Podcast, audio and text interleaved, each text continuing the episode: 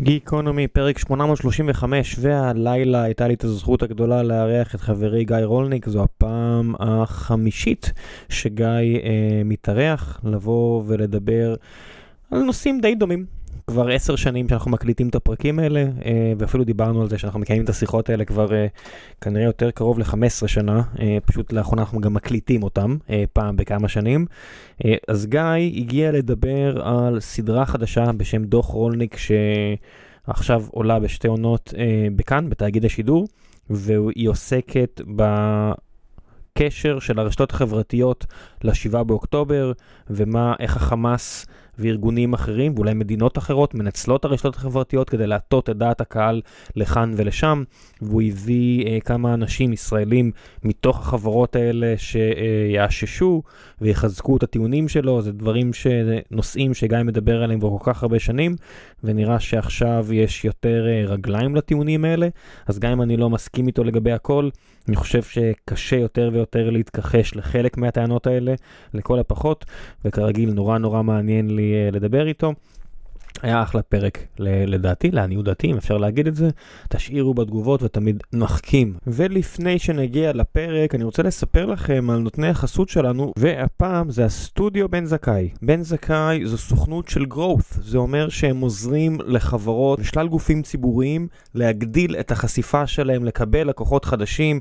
להשלים שלל יעדים דיגיטליים כאלה ואחרים. אחלה חבר'ה, הם יושבים בירושלים ובתל אביב, הם עזרו כבר לשלל חברות שאתם מכירים וגם לכל מיני גופים כמו אוניברסיטאות, עיריות, חברות אנרגיה ירוקה, חנויות e-commerce גדולות, חברות ביטוח, כל מה שאתם יכולים אה, לחשוב עליו.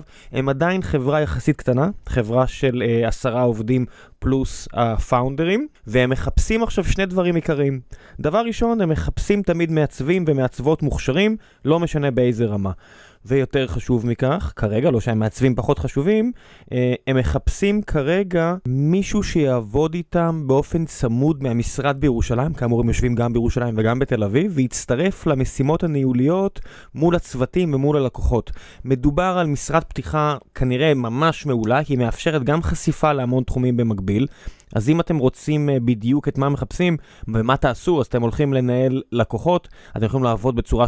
צמודה מול השותפים, כתיבת דוחות, תפעול תהליכי שיווק, ניהול אדמיניסטרטיבי, שלל, שלל דברים שבאמת יפתחו לכם את הקריירה אם אתם בשלב הזה שלה. אז מה כדאי להביא לתפקיד? ניסיון בפרויקטים, שליטה טובה מאוד במספרים ונתונים, שליטה טכנית ואוטודידקטיות טכנולוגית, יחסי אנוש טובים ומעולים, יכולת ניהול וסדר וארגון ברמה גבוהה, ואם כל הדברים האלה נשמעים כמו משהו שמעניין אתכם, אני אשאיר לכם את הפרטים שלהם, צרו איתם קשר אם אתם מעצבות, מעצבים, או מי שרוצה לעבוד איתם בצורה צמודה, ומקווה שיהיה לכם בהצלחה.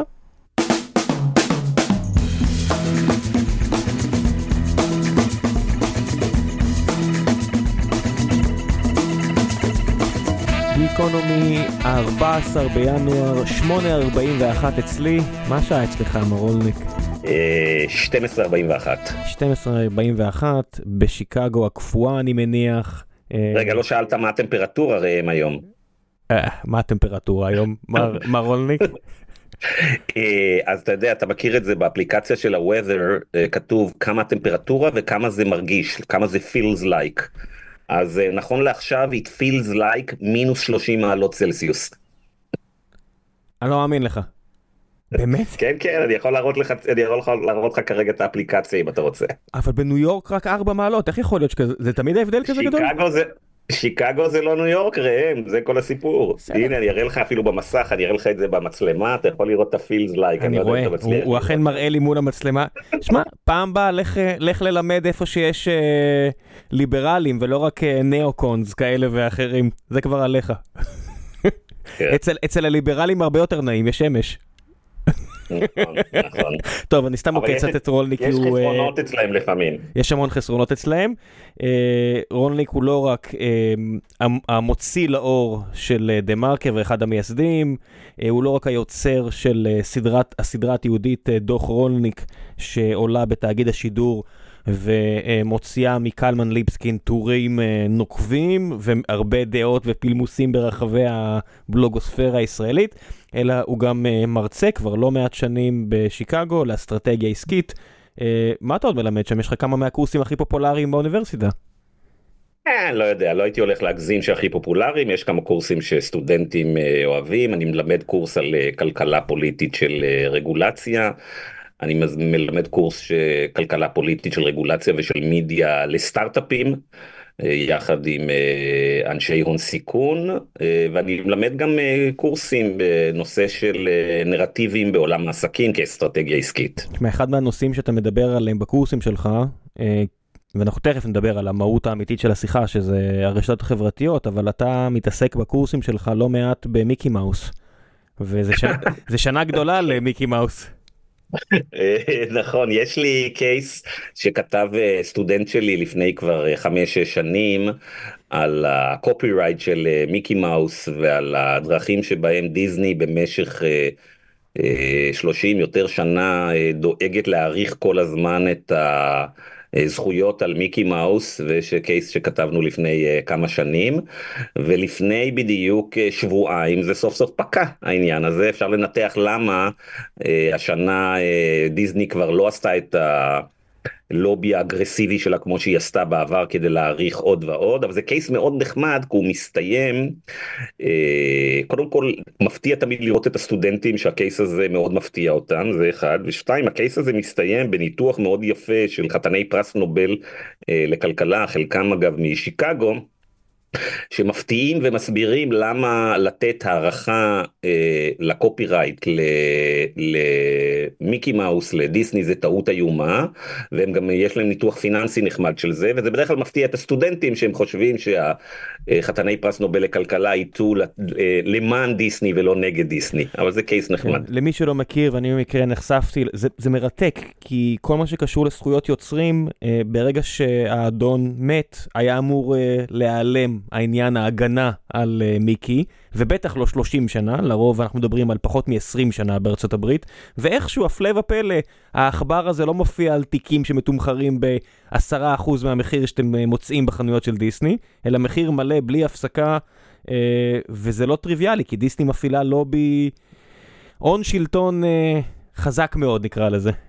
הון שלטון עיתון אפילו, אל תשכח שלדיסני יש הרבה מאוד כוח על העיתונות ויש לה גם אה, את אחת מרשתות הטלוויזיה הגדולות שיש להם גוף, אה, גוף אה, חדשותי מאוד גדול, ABC News בעצם שייכים לדיסני, אבל יש להם הרבה מאוד מנופי השפעה וכוח בכל מקום בישראל. באחד הפרקים של הסדרה החדשה שעולה שבוע הבא בכאן 11, אנחנו מדברים על התשתית החוקית שמאפשרת לרשתות החברתיות, למונופולים הדיגיטליים להיות כל כך רווחיים, ואז בעקיפין עולה, אנחנו לא מדברים על דיסני, בעקיפין עולה גם הנושא של הלובי של אה, חברות כמו דיסני. יצא לי uh, להיפגש uh, באיזושהי סיטואציה אחרת עם מי שמוביל את הרסט. והם חולקים עם דיסני את אחת הקניות הגדולות בהיסטוריה של ESPN. ו- וזה כל כך מדהים לראות איך הדברים נראים מהזווית שלו, זה כמו, אתה יודע, זה כאילו דיברתי עם סוחר נשק ולא... ולא איש כביכול מעולם העיתונות השקעות, כי זה גם זרוע השקעות נורא גדולה של הפמילי אופיס שם, אבל עזוב, לא, לא נסגיר יותר מדי uh, סיפורים. Uh, ואם מדברים על להסגיר סיפורים, אתה מביא פה סדרה, ממש גרונות עמוקים מעולם הרשתות החברתיות, בלי לציין את השמות, אתה מביא כמה פצצות. בוא תספר קצת, מה, איך הגעת אחרי כל כך הרבה שנים שאתה מדבר על רשתות חברתיות? הנה, הצלחת לשכנע קצת אנשים uh, לכיוון שלך, פעם ראשונה. נכון, אז תשמע, הסדרה הזאת בכלל נולדה לפני יותר משנה, כלומר בשנת 2022, והיא הייתה אמורה לעסוק בנושאים ש... אה, אתה ואני דיברנו עליהם אה, פה אצלך בפודקאסט הרבה מאוד אה, שנים ונושאים שאני כותב עליהם הרבה בדה מרקר של הון שלטון, הון שלטון עיתון, של כלכלה ושל מונופולים ודברים כאלה. וזה מה שהיה אמור להיות ואז קרו שני דברים כמה שבועות לאחר שהתחלנו לעבוד על הסדרה. קרה 4 בינואר ניסיון ההפיכה המשטרית שכל הכל... הפוליטיקה בישראל השתנה וכמובן גם כל המשחק בין כלכלה ופוליטיקה משתנה. אה, ואז התחלנו בעצם אה, לעבוד מחדש של הסדרה ולפרקים אחרים הסתכלות אחרת זוויות אחרת זוויות אה, אחרות כמו ש... חלק מהמאזינים שלך יודעים, אני לקחתי, אני נמנה על אלה שלקחו מאוד קשה את הניסיון של השינוי החקיקה התשתית החוקית הבסיס, החוקתית הבסיסית בישראל. וזה די שינה הרבה מהדברים שאני הסתכלתי עליהם ואיך הסתכלתי עליהם והתחלתי לשנות את הסדרה בהתאם אפשר להגיד למשל אתה ציינת את זה כבר שהחלטתי באזור פברואר החלטתי שאני חייב לעשות פרק על, על קהלת וספציפית לא על קהלת אלא על המיליארדרים שממנים את קהלת. ו... שכנעתי את החבר'ה בתאגיד השידור הציבורי שאנחנו צריכים לעלות על שצריך לקחת צוות לפילדלפיה לאיפה שמתגוררים על שני המיליארדרים שממנים את קהלת. כביכול. אז, אז, סליחה? הוספתי כביכול, אני העיתונאי שהוסיפה כביכול. אה, אני לא בטוח שזה כביכול, בגלל שאני פיזית הייתי מול, ה, מול הבית של ארתור דנצ'יק, שהוא המממן העיקרי. את ארתור עצמו לא ראיתי, אבל אתה רואה שגרים שם במקום הזה, ויתרה מזאת, הקבוצה שהתגבשה שם לאחר מכן, של המוחים, הם ראו את הפמליה שלו נכנסת ויוצאת שם אחר כך בהמשך סביב המחאה הזאת. את מי רואים פחות, את ארתור או את נוני? עוד פעם? את מי רואים פחות, את ארתור או את נוני? את נוני בגלל תיק 2000 עכשיו רואים הרבה, אין לו ברירה, הוא צריך להגיע לבית משפט. אני יודע, עדיין יש פחות תמונות שלו באינטרנט מאשר של ראשי מוסד. כן, ארתור דנצ'יק, תשמע, הצליח לגרום לזה שכמעט אין שום...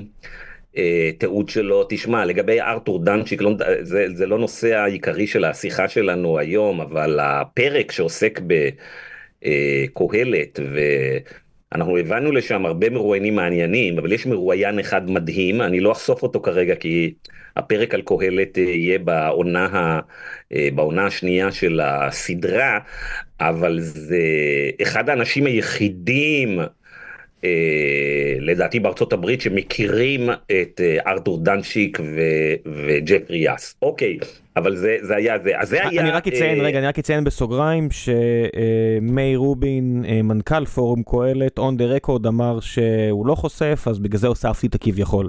בסדר, רק שלא... אה, לא, אבל זה כבר מאחורינו, הוא יכול להגיד שהוא לא חושף, אבל ארתור דנצ'י כבר חשף בעצמו והודה בזה שהוא מממן את פורום קהלת.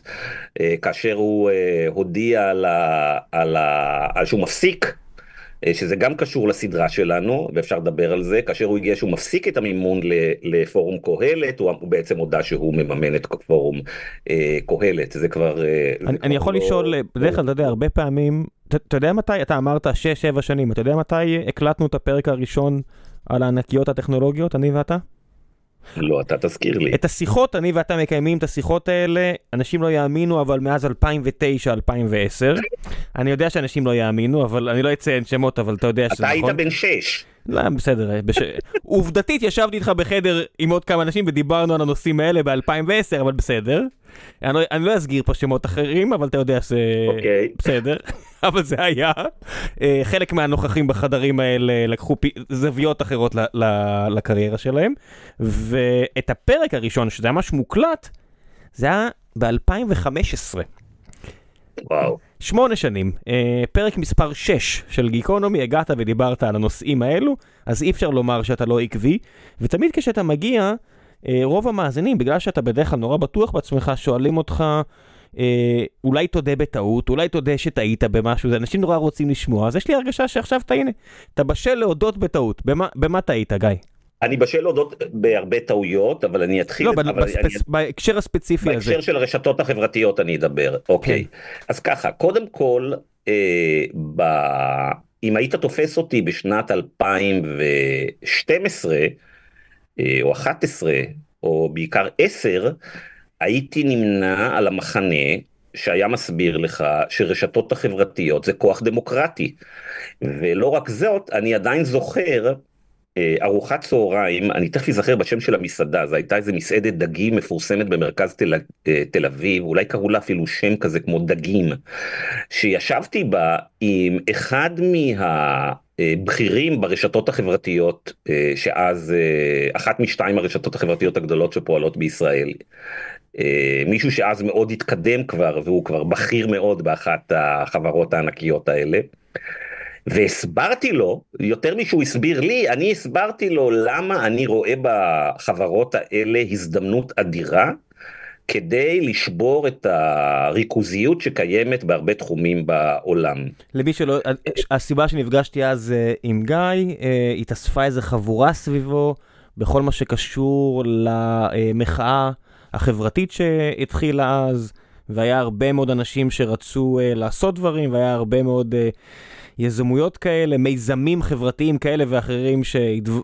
ממש קרמו עור וגידים באזור הזה עם החבר'ה האלה, ואתה אכן עמדת מול uh, כמה עשרות אנשים והסברת שפייסבוק is the future לפעילות uh, חברתית.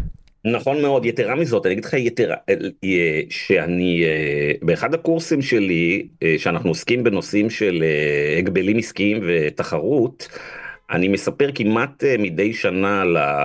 לסטודנטים, בעיקר אמריקאים, אבל גם סטודנטים מאירופה ומדרום אמריקה ומהמזרח, אני מספר להם על ההקמה של דה מרקר.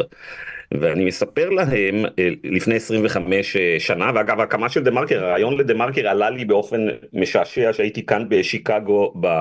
אה, בתואר שני שלי מנהל עסקים ושאז בדיוק התחיל האינטרנט ואני מספר להם איך בשנים הראשונות של האינטרנט אני הייתי משוכנע שהאינטרנט זה בעצם הכוח שישבור את כל המונופולים, כי אמרתי להם, אתם יודעים, מלמדים אתכם בתואר ראשון בכלכלה כל מיני תיאוריות שאין להם שום קשר למציאות, כי במציאות שאתם יודעים, מלמדים אתכם ככה בשוליים של לימודי הכלכלה, מלמדים על אה, כשלי שוק, על market failures. ואז אתה יוצא לשוק האמיתי ואתה רואה שהמודלים כמו שלימדו אותך לא קיימים וקיימים רק כשלי שוק.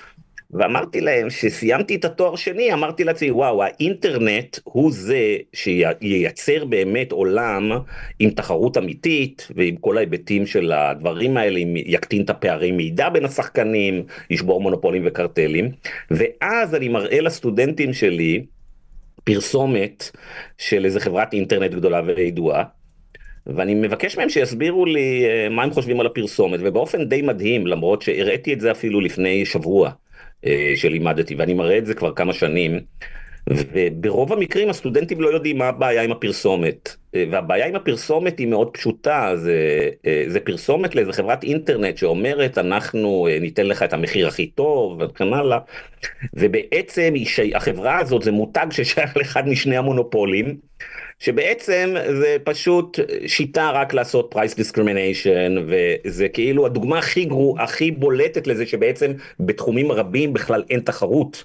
בעולם הדיגיטלי. וזה אני לא הבנתי לחלוטין אם היית תופס אותי לפני, לפני 25 שנה בכלל לא הבנתי את העניין שהעולם הדיגיטלי יהפוך להיות יותר ריכוזי בגלל תופעות של אפקט רשת מאשר העולם לפני הדיגיטלי. סוף שנות ה-90 שאתה שם בשיקגו יש איזה אחד קלייטון קריסטנסון שמספר אתה יודע על כל ה... איך הוא עזר לאינטל להפוך מחברה חזקה לחברה כל יכולה, אתה יודע. הדוגמה היא נהדרת, וזה הנה עוד טעות שלי, זה, אני, לא, אני לא רוצה להיכנס פה לפינה. קלייטון קריסטנסן היה, לא תאמין, היה המרצה שלי בהרווארד בשנת 2003, ויום אחד, והוא לימד, כיוון שהוא היה כבר כוכב על אז, אז הוא לימד בכיתה של איזה 200-300 אה, איש באחד החדרים הכי גדולים בהרווארד Business School.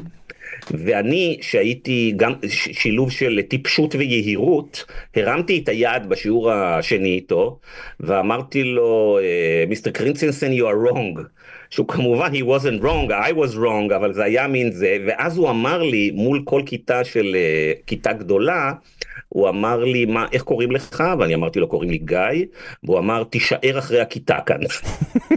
ואני נשארתי אחרי הכיתה וקריסטנסן שכתב את uh, Innovators Dilemma ו-Innovators Solution היה לא רק איש נורא חכם אלא הוא היה נחמד הוא היה מורמוני הרי איש נחמד בצורה יוצאת דופן. למרות שהוא הנוצרי הדוק מספרים על בן אדם פתוח לגמרי בראש שלו שכתב אחרי זה ספר עם גיי אז אי אפשר להאשים אותו שהוא איזה קיצוני דתי.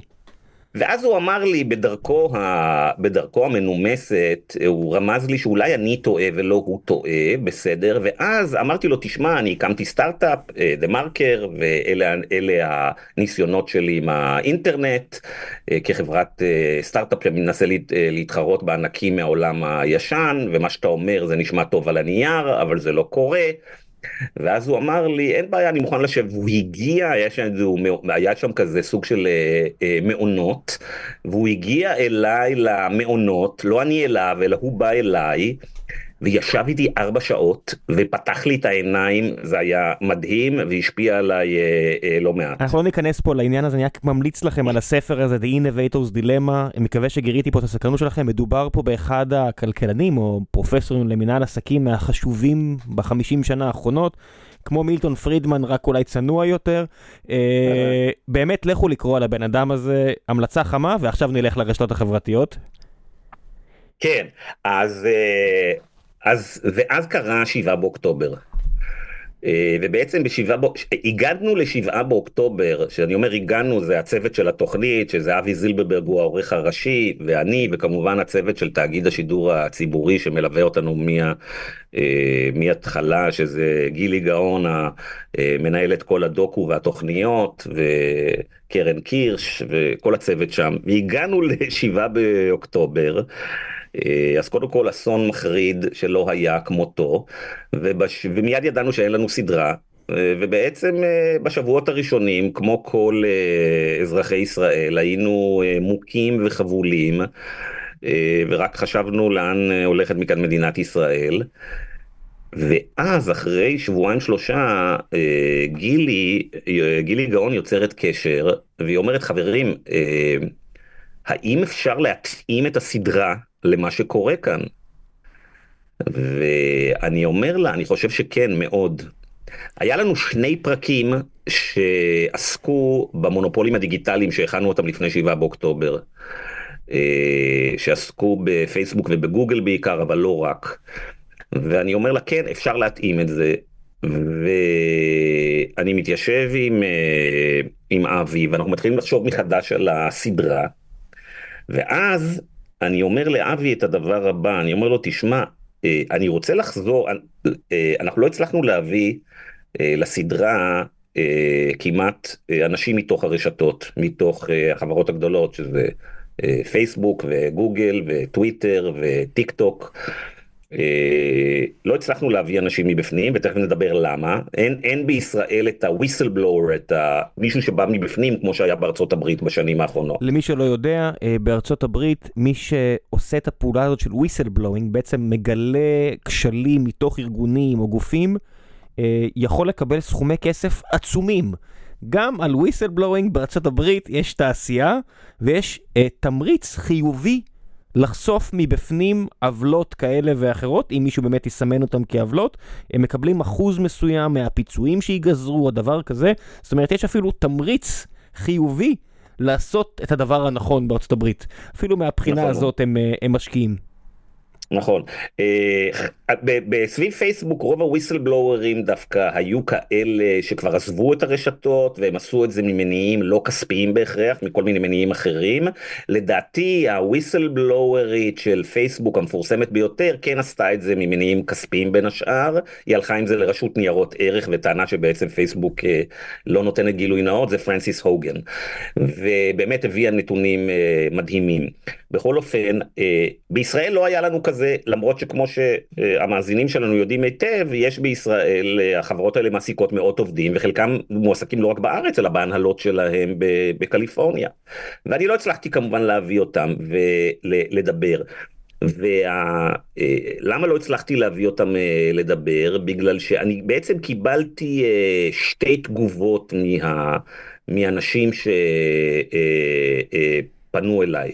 התגובה אחת של האנשים הייתה, טוב אתה מגזים, רוב הדברים שאנחנו עושים הם נהדרים ומצוינים, מדי פעם אנחנו עושים דברים לא טובים, אני לא רוצה, ולכן אני לא, אנחנו לא מסכימים עם הביקורתיות שלך, זו תגובה אחת, בסדר.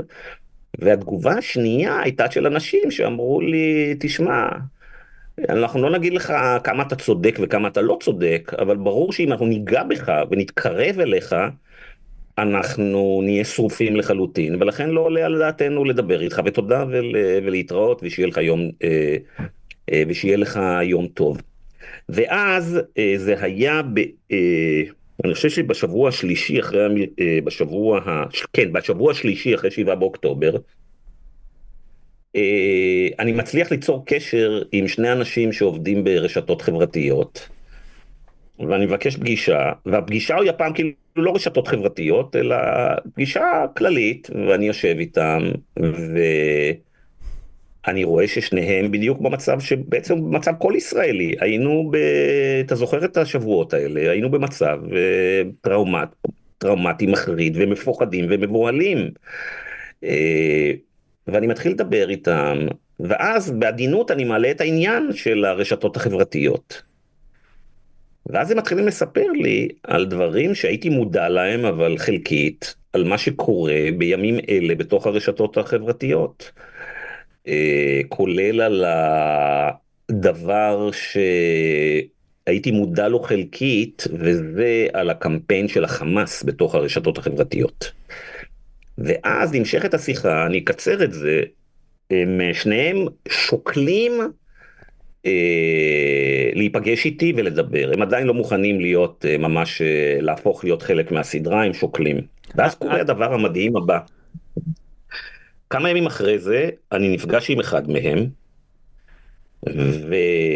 ואני מספר לו שאנחנו הולכים לעשות ואני מספר לו תשמע אני הצלחתי למצוא רק אדם אחד שעבד בפייסבוק שהיה מוכן אה, להיפגש איתי ולדבר איתי ותכף אני אספר לך למה הוא עשה את זה ו... והתחלתי לספר לו מה אותו אדם אומר בניסיון כאילו לעודד גם את המרואיין הזה. או, אגב אני אומר מרואיין זה יכול להיות גם מרואיינת זה ג'נדר uh, ניוטרל כמו שאומרים. uh, למה ה... כדי ניסיון לעודד אותו? ואז הוא פתאום ראם האיש הזה מתנפל עליי ומתחיל לצעוק עליי כמו מטורף. והוא אומר לי כל מה שאתה אומר אתה לא מבין כלום גיא זה הרבה יותר חמור. ואז הוא מתחיל להגיד לי, אתה קראת היום, והוא מדבר על מה שהיה באיזה עיתון של טק אמריקאי. הוא אומר, תראה, באיזה עיתון טק אמריקאי כותבים היום על מה שקורה היום ברשתות אה, סביב הנושא של החמאס, ואני אומר לך שהם לא מבינים כלום. זה הרבה הרבה יותר גרוע מכל מה שהעיתונות האמריקאית כותבת. טוב, אני אומר לו, בוא, אבל בסדר, אז בוא תהיה מדבר. ואז הוא אומר לי, על מה אתה בכלל מבזבז את הזמן שלי פה ואת הזמן שלך? אנחנו צריכים שהסרט הזה שאתה עושה, זה סרט לנטפליקס. מה אתה עושה בכלל סרט לכאן 11?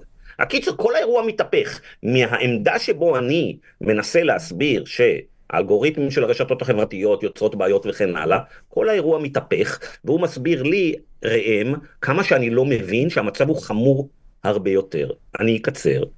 בסוף... בוא, תתאר אבל לפני שאתה מתקדם, כי אתה מספר פה איזשהו אה, אה, רשומון של עשיית סרט, אבל בוא תספר מה זה המצב הזה. זאת אומרת, מי שנמצא ברשתות החברתיות מקבל תמיד קצה קרחון של משהו. אתה מקבל okay. את אוקיי. הפיד שלך, אתה מקבל איזושהי חוויה שהיא תמיד סובייקטיבית, אה, אישית לכם. אה, לא ניכנס פה למילים כמו אלגוריתם או לא, זה חוויה, חוויה זה פשוט להבנה. מה שאתם רואים זה אישי לכם. אין עוד אף אחד בעולם שמקבל את תמהיל התוכן הספציפי שאתם נחשפים אליו, ולא משנה באיזה רשת. אבל במלחמה הזו פתאום אנשים ישראלים נחשפו לכל מיני ניאו-נאצים כאלה ואחרים, כמו ג'ק שילס או הינקל בטוויטר, חבר'ה שאפילו יצא לי לפגוש אחד מהם במציאות ולא ידעתי שהוא כזה, ו... ושמע, הם ניאו-נאצים על מלא, והם מקבלים תעודה מטורפת, בלתי נתפסת. ואין אה, אלא להניח, ואז מסתכלים במקומות אחרים שיש פה לא רק יד חופשית, אלא מאחורי היד החופשית הזאת שניתנת, יש גם אה, כוח מאורגן שהבין את הכוח, הבין את האפשרויות, הקור... התמונות פה בסיפור הזה.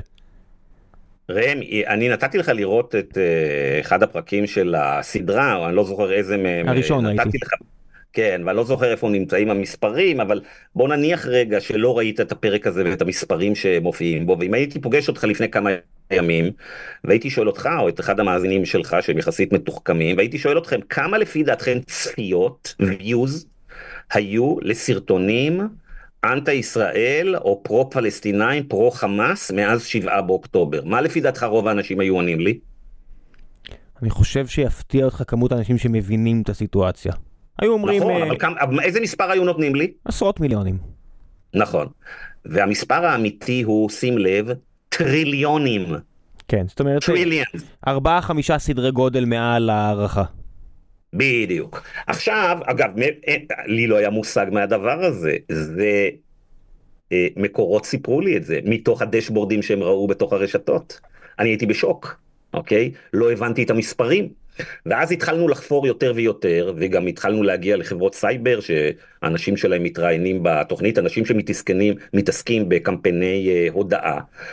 וזה היה מדהים. אז כשסיימתי את השיחה הראשונה עם אחת הבכירות, בכירים ברשתות החברתיות, ושהיא אמרה לי, אנחנו מדברים על, אז זה עוד היה במאות מיליארדים, ואחר כך זה עלה לטריליונים. רצתי לאנשים שמתעסקים בקמפייני הודעה, תודעה באינטרנט, והם אמרו לי, תשמע, לא היה כדבר הזה, ואז הם היכו אותי בתדהמה הבאה שהם אמרו לי את הדבר הזה, הם אמרו לי, אתה יודע מתי זה התחיל? אני אומר להם, לא.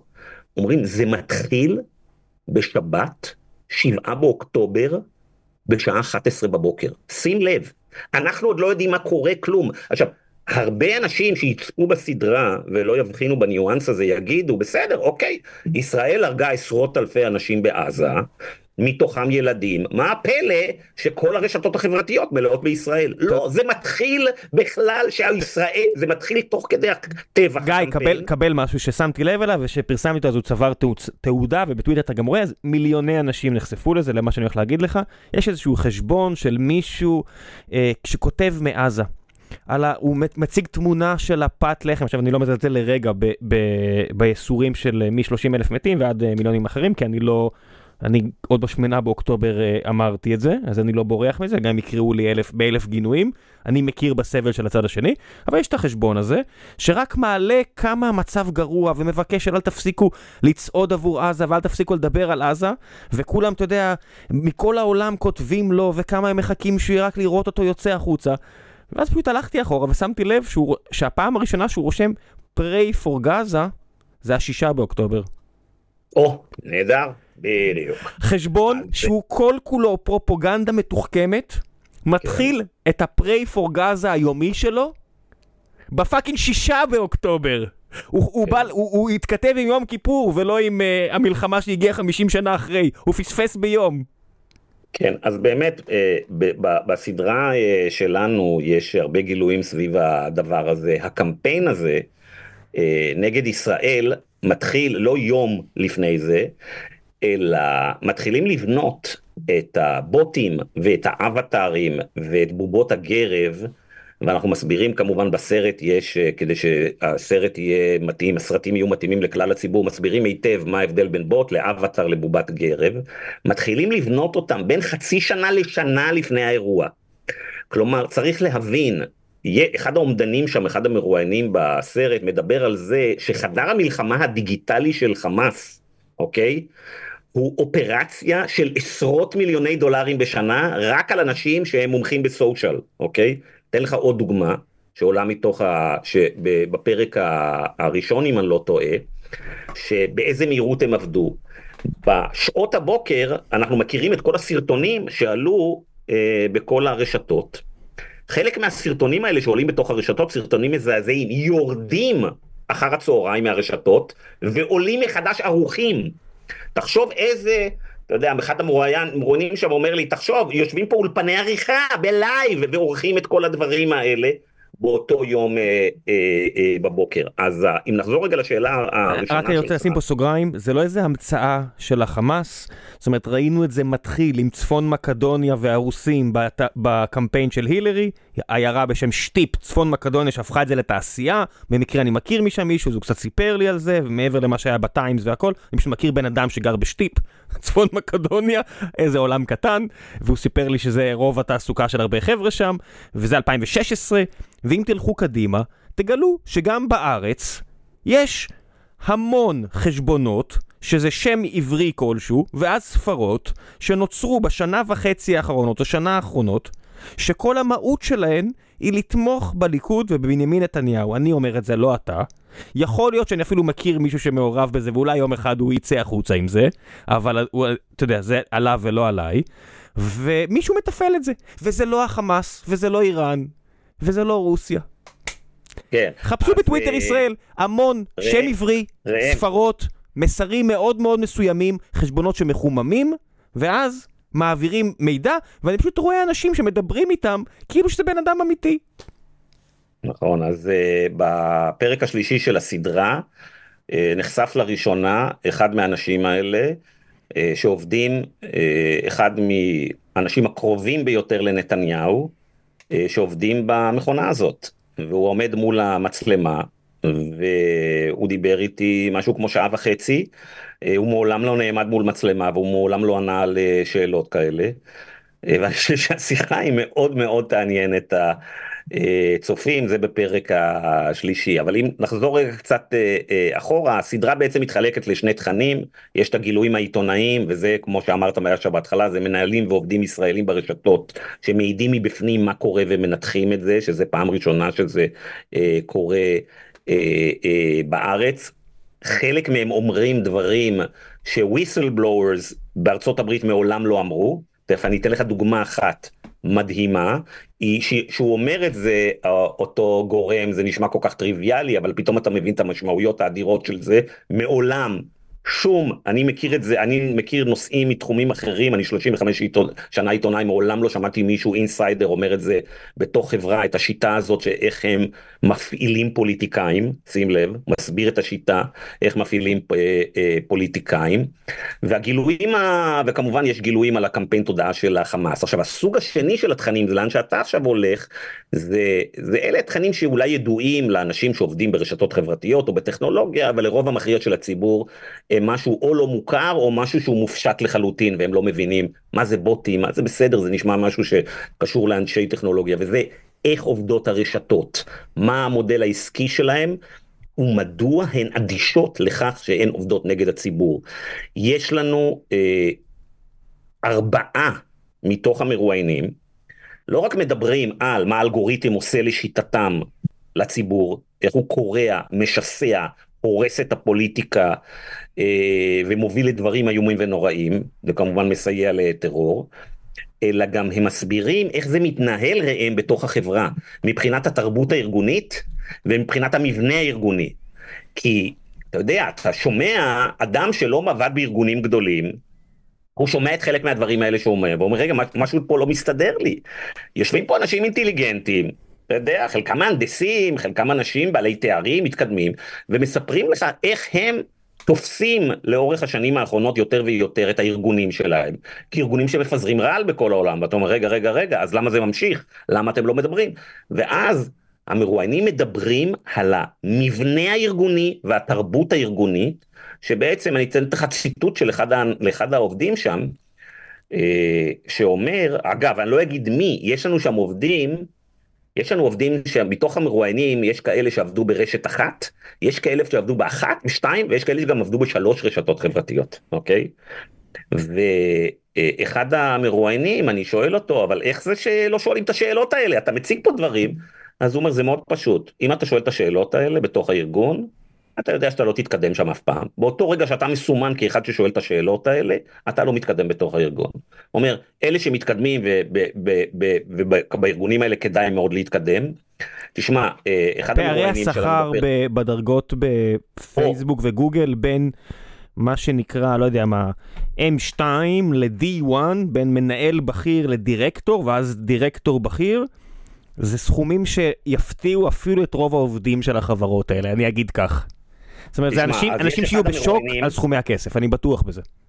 אז אחד המרואיינים, דווקא זה שמופיע עם פנים גלויות, ומדבר על מה שקורה בחברות האלה, אה, מדבר ספציפית על הנהלה בכירה על אנשים שמרוויחים עשרה מיליון דולר בשנה. והחלק המפתיע בתוך המונולוג הארוך, אגב זה מרואיין שישב מולי ארבע שעות, אוקיי? ואחד הדברים הכי מדהימים שהוא אומר למצלמה בצורה כאילו מה שקוראים matter of factly כאילו לא מתוך איזה שאני חוקר אותו או משהו כזה הוא, הוא מציין את זה כדבר מובן מאליו. אני חושב שזה יהיה מאוד לא נעים להרבה אנשים לשמוע את זה ואני חושב שחלק מהאנשים שומעים את זה פעם ראשונה. הוא אומר אנחנו משלמים לאנשים משכורות שלא קשורות בשום דרך לפרודוקטיביות שלהם משכורות שתלושות לחלוטין מהמציאות. ככה הוא אומר. מסביר את זה as is, והוא היה סגן נשיא, אם אני לא טועה, סגן נשיא בכיר SVP באחת החברות הכי גדולות, וככה הוא אומר את זה. כאילו, אני אומר לכם, אני העסקתי מאות עובדים או יותר, או אלפים, או מה שזה זה, אנחנו משלמים משכורות שלא לא קשורות לשום דבר. בגלל למה? יש לנו מרואיין אחר שם, שהוא אחד מהמומחים הכי גדולים בעולם למונופולים. אחד, עורך, עורך דין אולי מהחמישייה הבולטת בחוף המערבי למונופולים שהוא מסביר, הוא אומר כל הזמן, תזכור, זה חברות ש... these are companies that mint money, mint זה להדפיס, זה המכונה שמדפיסה את הכסף שיש לה, אה, אה, שיש אה, לאוצר. אז... זה לא, כזה רחוק, זה לא כזה רחוק מהאמת, המשפט הכי אהוב עליי לגבי אה, סטארט-אפים, אריק שמיט, המנכ"ל האגדי של גוגל אמר, והוא אומר, כשיש לך מכונה שמדפיסה כסף במרתף, כל דבר שאתה עושה הוא גאוני. וכשיש לך אה, במרתף מכונה ששורפת מזומנים כמו להרבה חברות אחרות, כל דבר שהן עושות הוא גרוע ומטופש.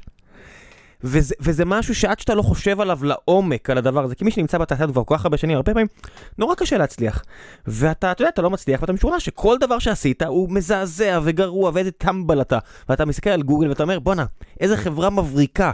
כל דבר שהם עושים הוא פוגע בול. עד שאתה מכיר לעומק ואתה רואה שיש להם המון בעיות, המון דברים שהם לא נכונים, אבל יש להם במרתף מכונה שמדפיסה כסף. המכונה שלהם מדפיסה כסף כמו הפד. כן, קצת קונטקסט למאזינים שלך ששמעו את השיחות, אה, אה, התארחתי אצלך פה בגיקונומי כבר אה, ארבע או חמש פעמים. כן, זה פעם חמישית נראה לי. כן, וחלק מהמאזינים שלך, וגם אתה בשאלות שלך, וזה לגיטימי, אני מכיר את זה, אומרים, אוקיי, בסדר, חלק מהרעיונות מעניינים, נניח, אבל גיא מגזים. אה, עד כה לא נרשמה הגזמה, ואני אומר כמי שרב איתך מאוד, כן. לפחות בכתב, לפחות פעם בחודשיים שלוש, כי אנחנו לא מסכימים על הרבה דברים, עד כה לא נרשמה הגזמה. וכשאני יושב ב...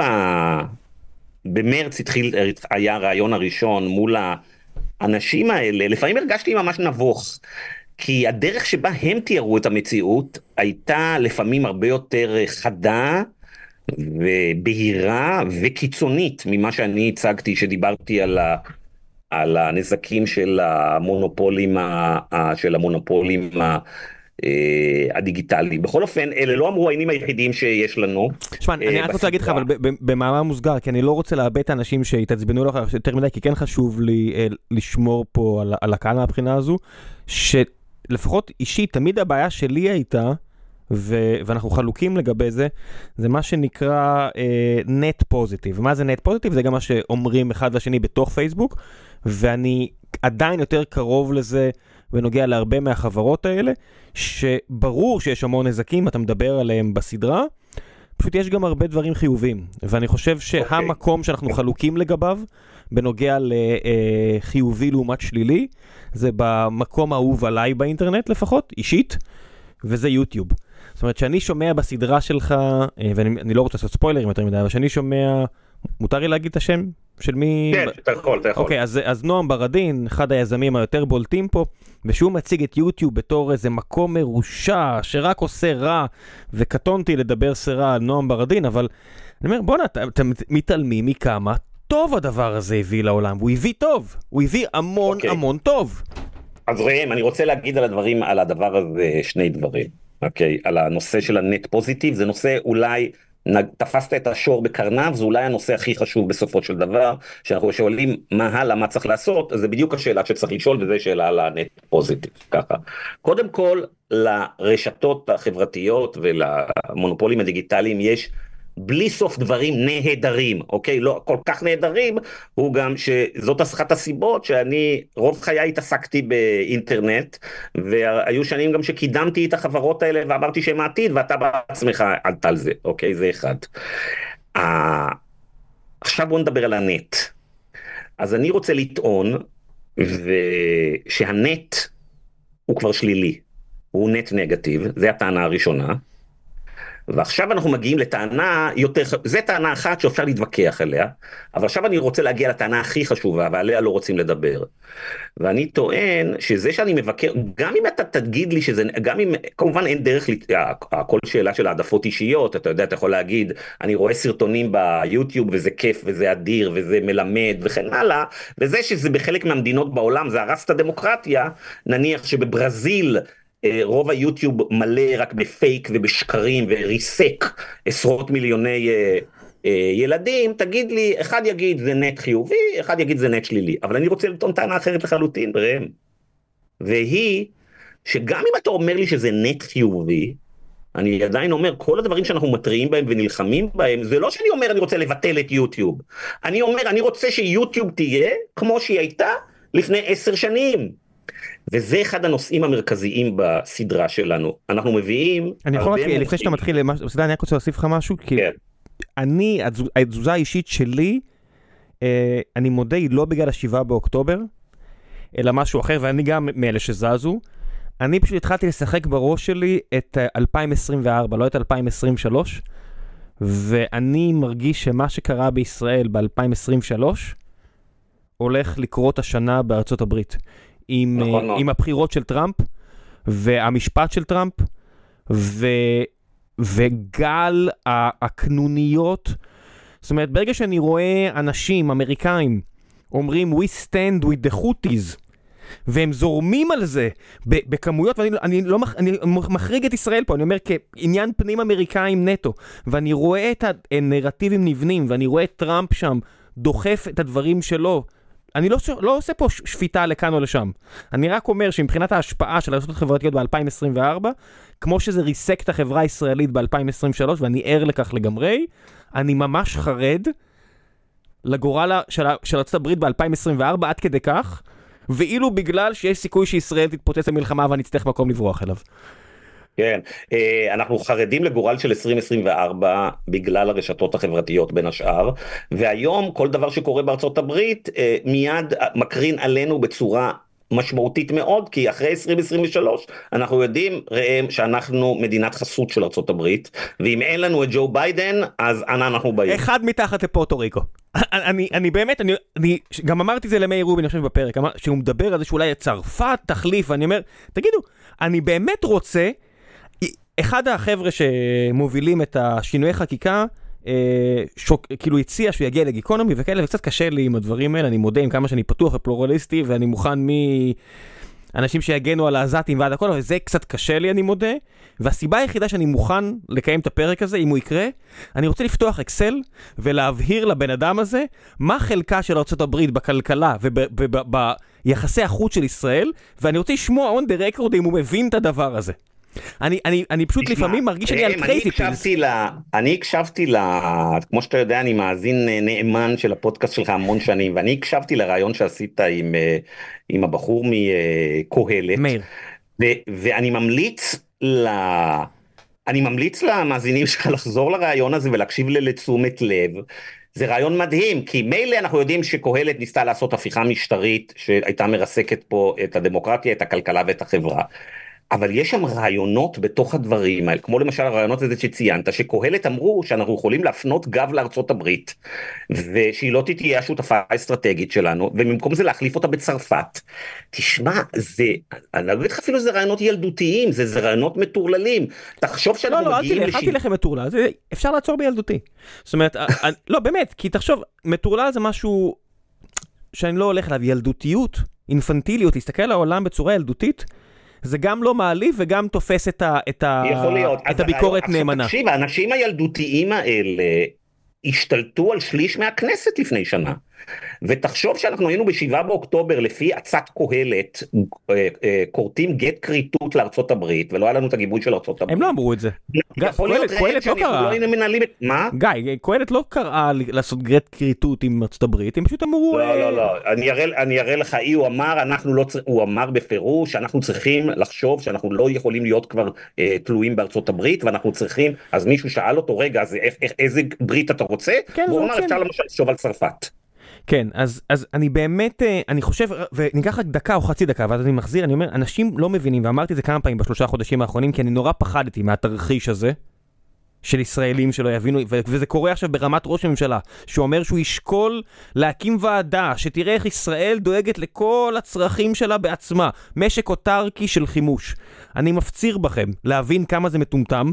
רוסיה הגדולה, מדינה עם כוח תעשייתי ואנרגטי, גדולה פי כמה?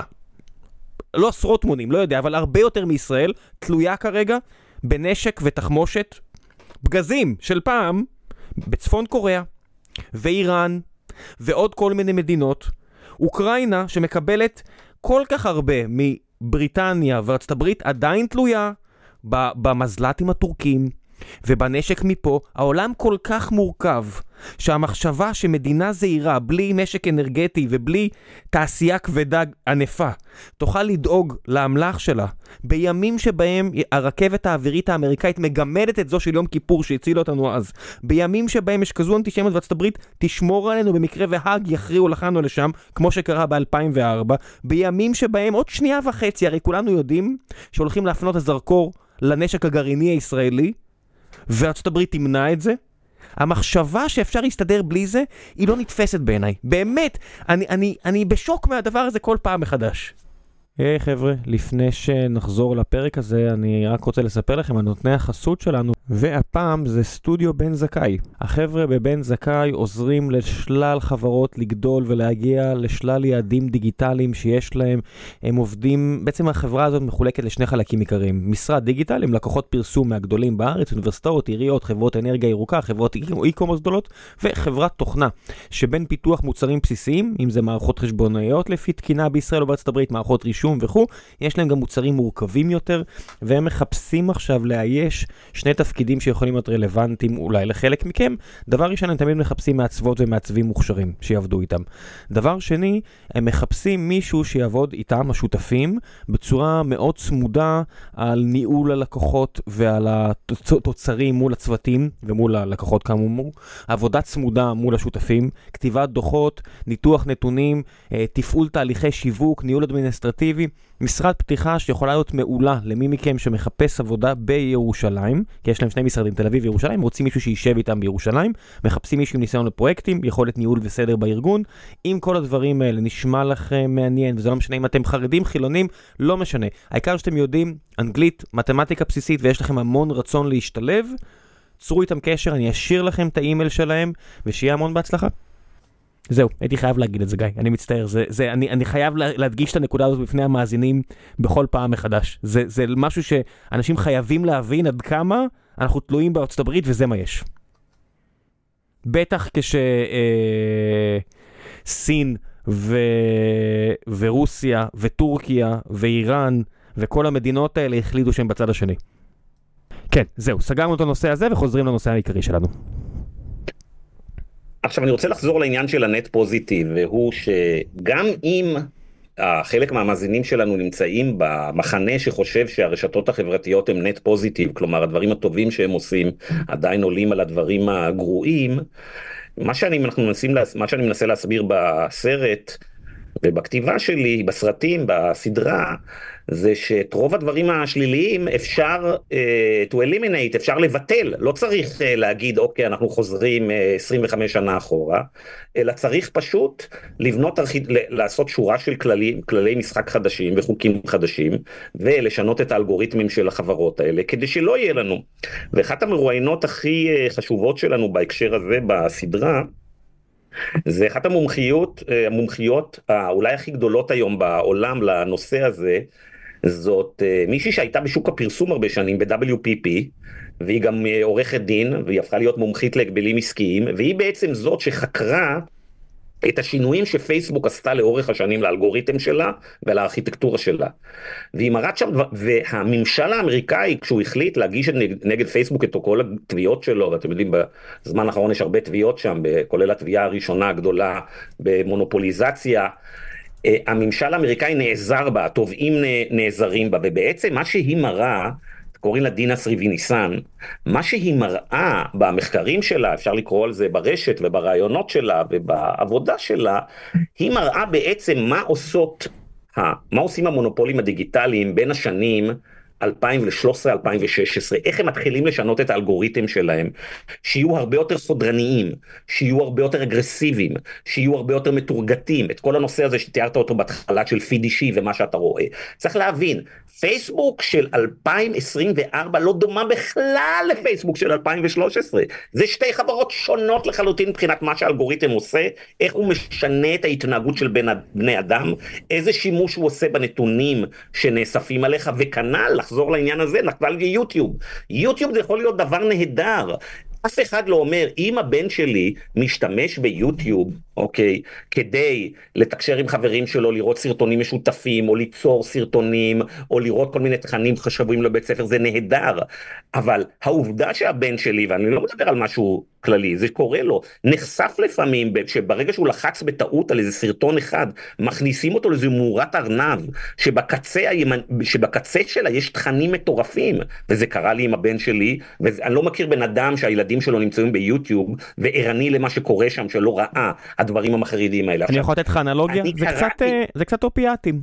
זאת אומרת, אופיאטים יש להם תרכיב... כן, אבל צריך להבין, לא, אני אומר, לא אופיאטים יש תרכיב... תשמע, ככה עובדת הטכנולוגיה. לא, לא, לא, לא, לא, אני, אני להפך, אני מחזק אותך, אני אומר, אופיאטים, אם מישהו רוצה ללכת על הטענה שלי, יש להם מרכיב מאוד חשוב ברפואה. זה בסוף אמור לתת לאנשים שמתמודדים עם כאב, מחלימים מניתוחים והכל. אבל בהיעדר רגולציה, ואם תכניס אה, מרכיב אה, של רווח פרטי, התוצאה היא קטסטרופה.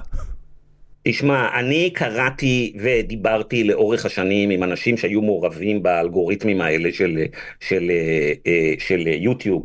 יש כמה וכמה מהנדסים שיצאו משם, שאומרים שיוטיוב רצתה רק לגרום להתמק... לאנשים להתמכר, ובעצם יצרו אלגוריתם הרסני, והם ידעו את זה לאורך שנים. יש אנשים שכתבו ספרים שלמים על זה.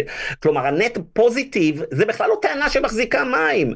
אתה אומר, אנחנו יכולים ליהנות מכל הפו... עכשיו תגיד, זה לא רק שגם אתה צריך את הרעל הזה כדי להיות מודל עסקי. ליוטיוב היה מודל עסקי גם לפני שבע שנים ולפני עשר שנים. זה לא שאתה אומר, טוב, אין. ברירה, המודל העסקי זה לייצר רעל, בלי הרעל לא יהיה לנו רשתות חברתיות, אוקיי?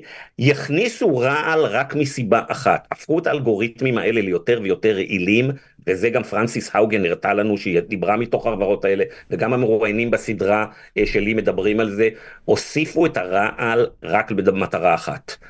כמו שאמר שם נועם ברדין, בשביל שהמניה תזוז, בשביל שהבונוסים יהיה אה, גדולים. שו, עזוב מניה, הכנסות, הם פשוט, הכנסות הרקיעו שחקים, ויש מצב שגם זה היה מתקדם רק בכיוון הזה, אלא מלא... היא למלה אפל ו-ATT. זאת אומרת, ברגע שאפל שינתה את חוקי המשחק עם ההגדרות פרטיות, פרטיות החדשות, החדשות שלה, ההימור שלי, ואולי חבריי מפייסבוק יגידו שאני הוזה, אה, שזה היה הקטליזטור לשינויים של פייסבוק. זה שהם מדברים הרבה יותר מטא ומדברים הרבה יותר AI וכאלה, לעניות דעתי, אה, זה בעיקר בגלל שהם הבינו את הסיכון העצום למודל הקודם שלהם, בגלל שככה באבחה אחת אפל העמידה אותם אה, בפוזיציה מאוד רעה. יכול להיות ראם שזה סיכן את, ה, את היכולת שלהם לעשות מוניטיזציה מהרעל, והיום הם עושים כבר פחות כסף מהרעל, אבל הם לא שינו בכלום את ה... אה, את ה... פיצ'רים שגורמים לאלגוריתם להפיץ רעל, ויתרה מזאת, אנחנו יודעים מתוך הוויסלבלוארים, מתוך החברה, שבתוך פייסבוק היו אה, מהנדסים ואנליסטים שבאו להנהלה ואמרו להנהלה, תראו, האלגוריתם שלנו גורם להרס בדמוקרטיות, גורם לקיטוב וממכר נערות צעירות.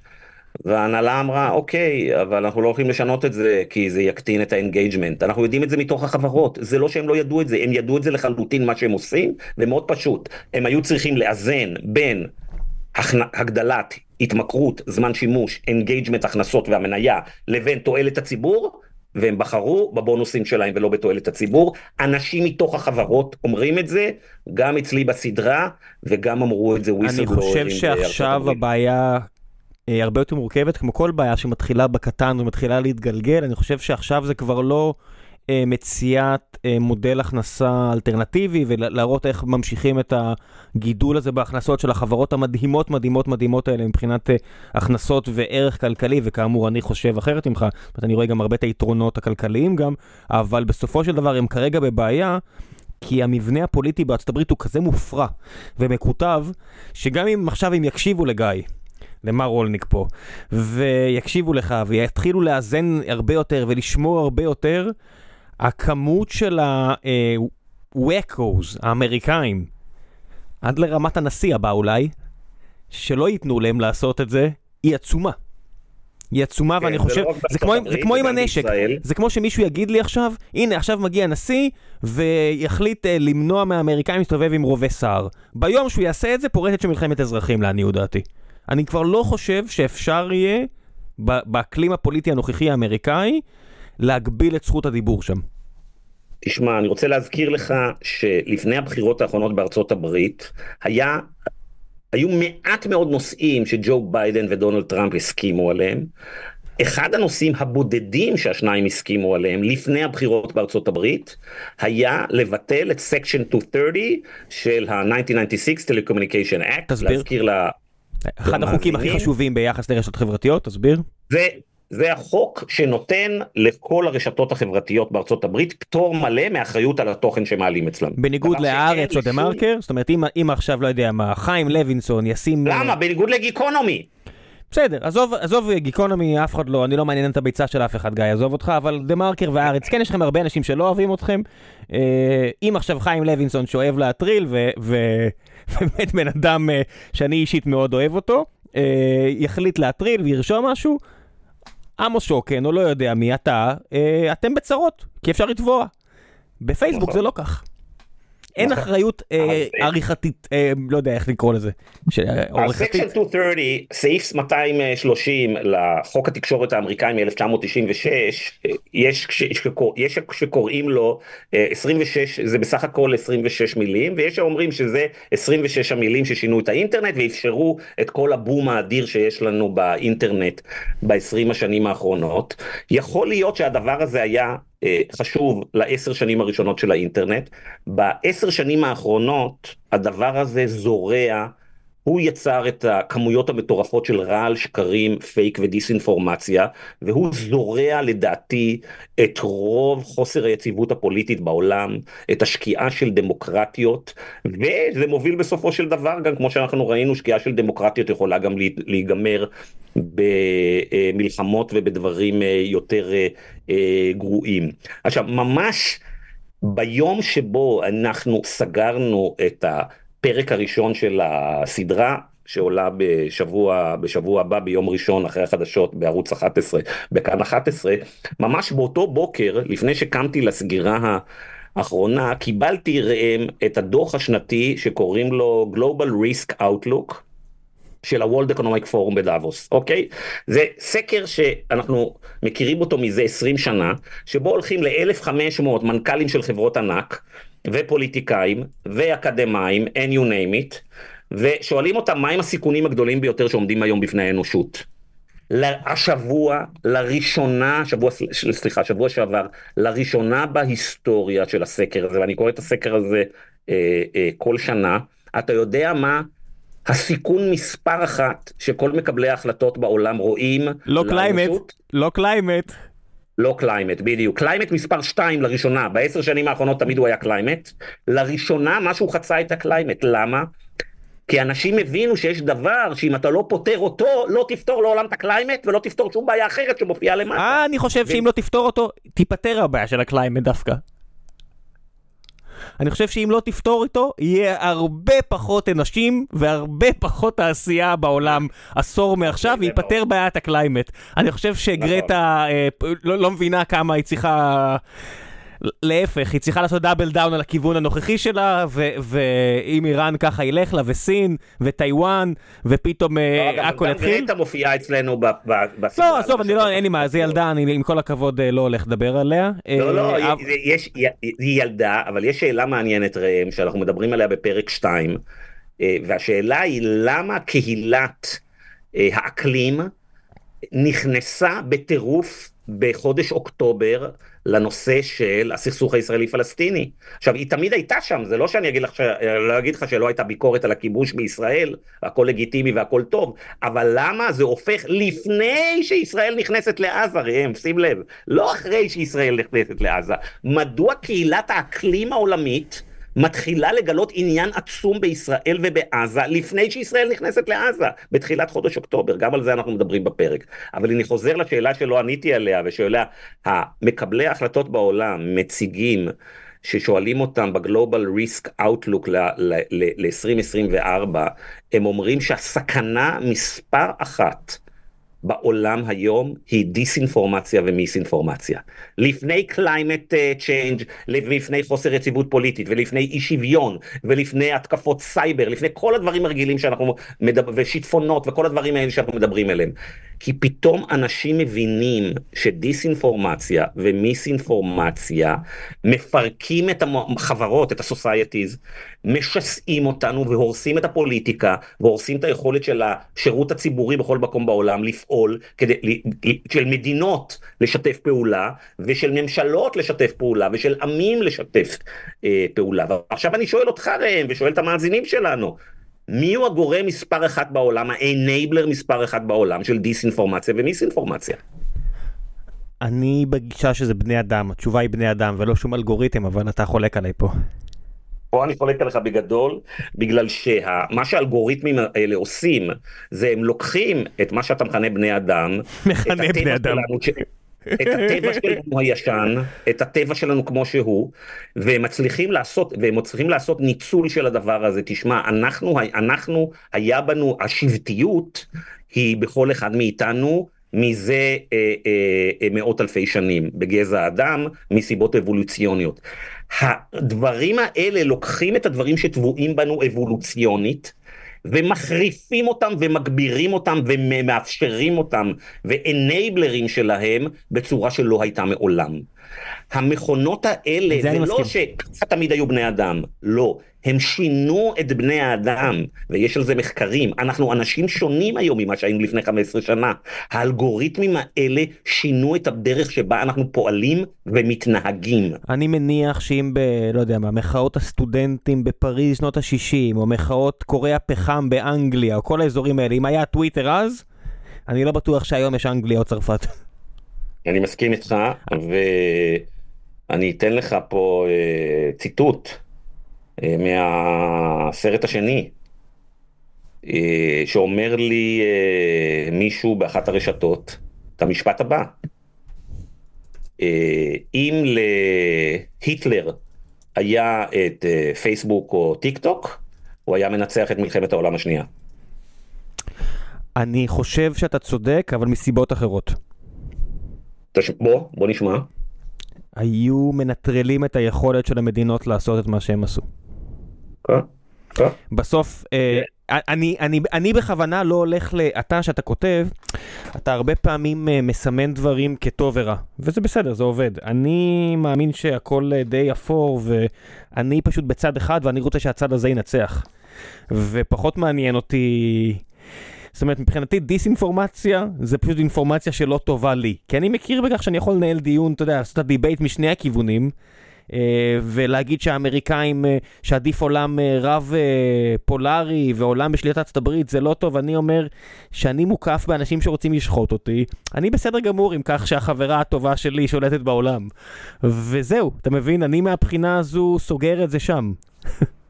אני לא מחפש טובים ורעים. אני מסכים איתך. אני מבין לאן אתה הולך, אני אגיד לך איפה אני מסכים איתך, וזה זה, זה שאלה, איפה אני לא מסכים איתך, וזו שאלה שמדברים איתי הרבה אנשים, אנשים אומרים, רגע, אז הצד השני עושה כל הזמן במיסאינפורמציה ודיסאינפורמציה, בואו אנחנו גם נעסוק בזה. נעשה אנחנו אותו דבר, ואנחנו ננצח אותו ב, ב, עם, ה, עם התעמולה לא, שלנו. מדינות דמוקרטיות לא יכולות, שלבנון יורה אה, נ"ט ורוצחת אישה בת 78, זה זכות ששמורה למדינות כמו לבנון. מדינות שרוצות להיות בצד השני, לא יכולות להתנהג כך, וכמו נכון, שאנחנו לא יכולים לעשות את הדברים שהחמאס עושים. יפה, ואני חושב שאם אנחנו אה, אה, נתנהג אה, ככה, אז אה, אנחנו לא נוכל אה, לשרוד, בגלל שדמוקרטיות ליברליות אה, שגשגו אה, במשך 50, אה, 60 או 70 שנה מאז מלחמת העולם השנייה אה, בכל העולם, בגלל שהיה להם חברות יותר בריאות, חזקות, יצירתיות, ולכן הם הפכו להיות למדינות המובילות. אנחנו לא יכולים עכשיו להגיד, אוקיי, הצד השני אה, משתמש בפייסבוק ובגוגל ובטלגרם ובכל הדברים האלה כדי לזרוע רעל שמקדם את העניינים שלו, אז אנחנו נזרע את הרעל שלנו בתוך המדינות שלנו ומחוץ למדינות שלנו. אתה מרשה לי להקשות עליך אבל? גיא, אני חייב להקשות עליך פה. אה, כן.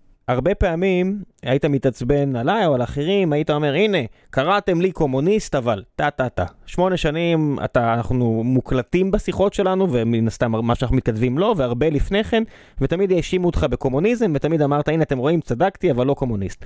ועכשיו אני רואה את המפלגה הקומוניסטית בסין, שמבינה איזה חומר נפץ זה רשתות חברתיות, מבינה כמה אה, מסוכן, מסוכן לחברה זה התמכרויות לגיימינג למיניהם, ואני אומר את זה כמי שעובד בתעשייה הזאת, אה, או בתעשייה הפריפריאלית שלה, ועושה משהו שרק במדינה דמוקרטית כמעט בלתי אפשרי לעשות, וקובעת מה מותר ומה אסור ביחס לדברים האלה, ואז אני אשאל אותך, האם כדי להילחם בדברים האלה אפשר לעשות את זה במסגרת דמוקרטית בחברות שיש זכות בחירה והן מפולגות והן לא הומוגניות, כן. זה לא יפן. שאלה טובה. אז אני אענה על זה כמה דברים. קודם כל, to set the record straight, היחידים שקראו לי קומוניסטים, זה ב, אה, שקראו לדה מרקר או לי קומוניסטים, זה חבורת קהלת. לא, אה, מלא אנשים קראו לכם ככה, עצבנת מלא אנשים, די. לא, לא, לא, לא בגדול, באנשים, יש אנשים שכתבנו על, ה, שכתבנו על איזה מנכ"ל שעושה עסקת בעל עניין ומוציא 50 מיליון שקל מהחברה, אז הוא קרא לנו כל מיני, אני לא מתכוון לאנשים שהיה לנו איתם איזה דין ודברים. אני אומר, אנשים שהיה לנו איתם דין ודברים, אה, אה, אידיאולוגי אני מתכוון, אז הטענות האלה נשמעו רק מחבורת אה, קהלת, ואגב יש הרבה אנשים שתקפו מהצד השני ואמרו שאנחנו בכלל ימנים אה, כלכלית, כך שאנחנו, זה תמיד הגיע משני הכיוונים. עכשיו השאלה, בוא נדבר רגע על סין, אוקיי? אז אני חושב שמה שסין עושה פנימית, אה, בזה שהיא מבינה שסין עושה את הדברים האלה מסיבות אחרות לחלוטין מהסיבות שאתה ואני רוצים לעשות את זה. סין עושה את זה כי היא רוצה לוודא שהרשתות החברתיות לא הופכות להיות גורם שיפיל את השלטון בסין, את המפלגה הקומוניסטית, אוקיי? אבל אחרי שאמרנו את זה, חלק מהדברים שעושים הסינים, אה, שהם מגבילים את השימוש, הם עושים רגולציה, כמו שעושים רגולציה על סיגריה ועל אופיאטים ועל דברים אחרים שאנחנו מתמכרים, וכמו שאנחנו רוצים לסמן סוכר ולהגיד שאסור אסור, אסור למכור לילדים סוכר או אסור לילדים בכמויות או אסור לפרסם, אסור למכור להם סוכר בבית ספר ואסור לפרסם סוכר בתוכניות לילדים, אני חושב ש... רשתות חברתיות הן מזיקות יותר מסוכר. ואני חושב שהרעיון של למנוע מילדים בגילאים מסוימים להיחשף לטיק טוק ולאינסטגרם זה רגולציה הגיונית לחלוטין ומתבקשת בגלל שהדברים האלה הם מאוד מאוד מסוכנים וממכרים. ואני חושב שהרעיון הוא שכל התפיסה הזאת הימנית נקרא לה ליברטריאניות שאומרת כל אחד יעשה מה שהוא רוצה אם ההורים של זה הכל מתחיל מאחריות אישית.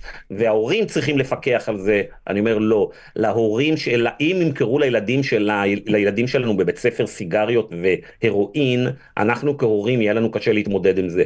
ואם החברה כחברה מאפשרת לילדים בני ארבע ולצעירות, טינג'ריות, אה, בנות תשע, להיות באינסטגרם, אז אנחנו כילד, אנחנו כהורים ואנחנו כחברה לא נוכל להתמודד עם זה. תראה את המסך שנייה גיא, תסתכל על המסך ותגיד...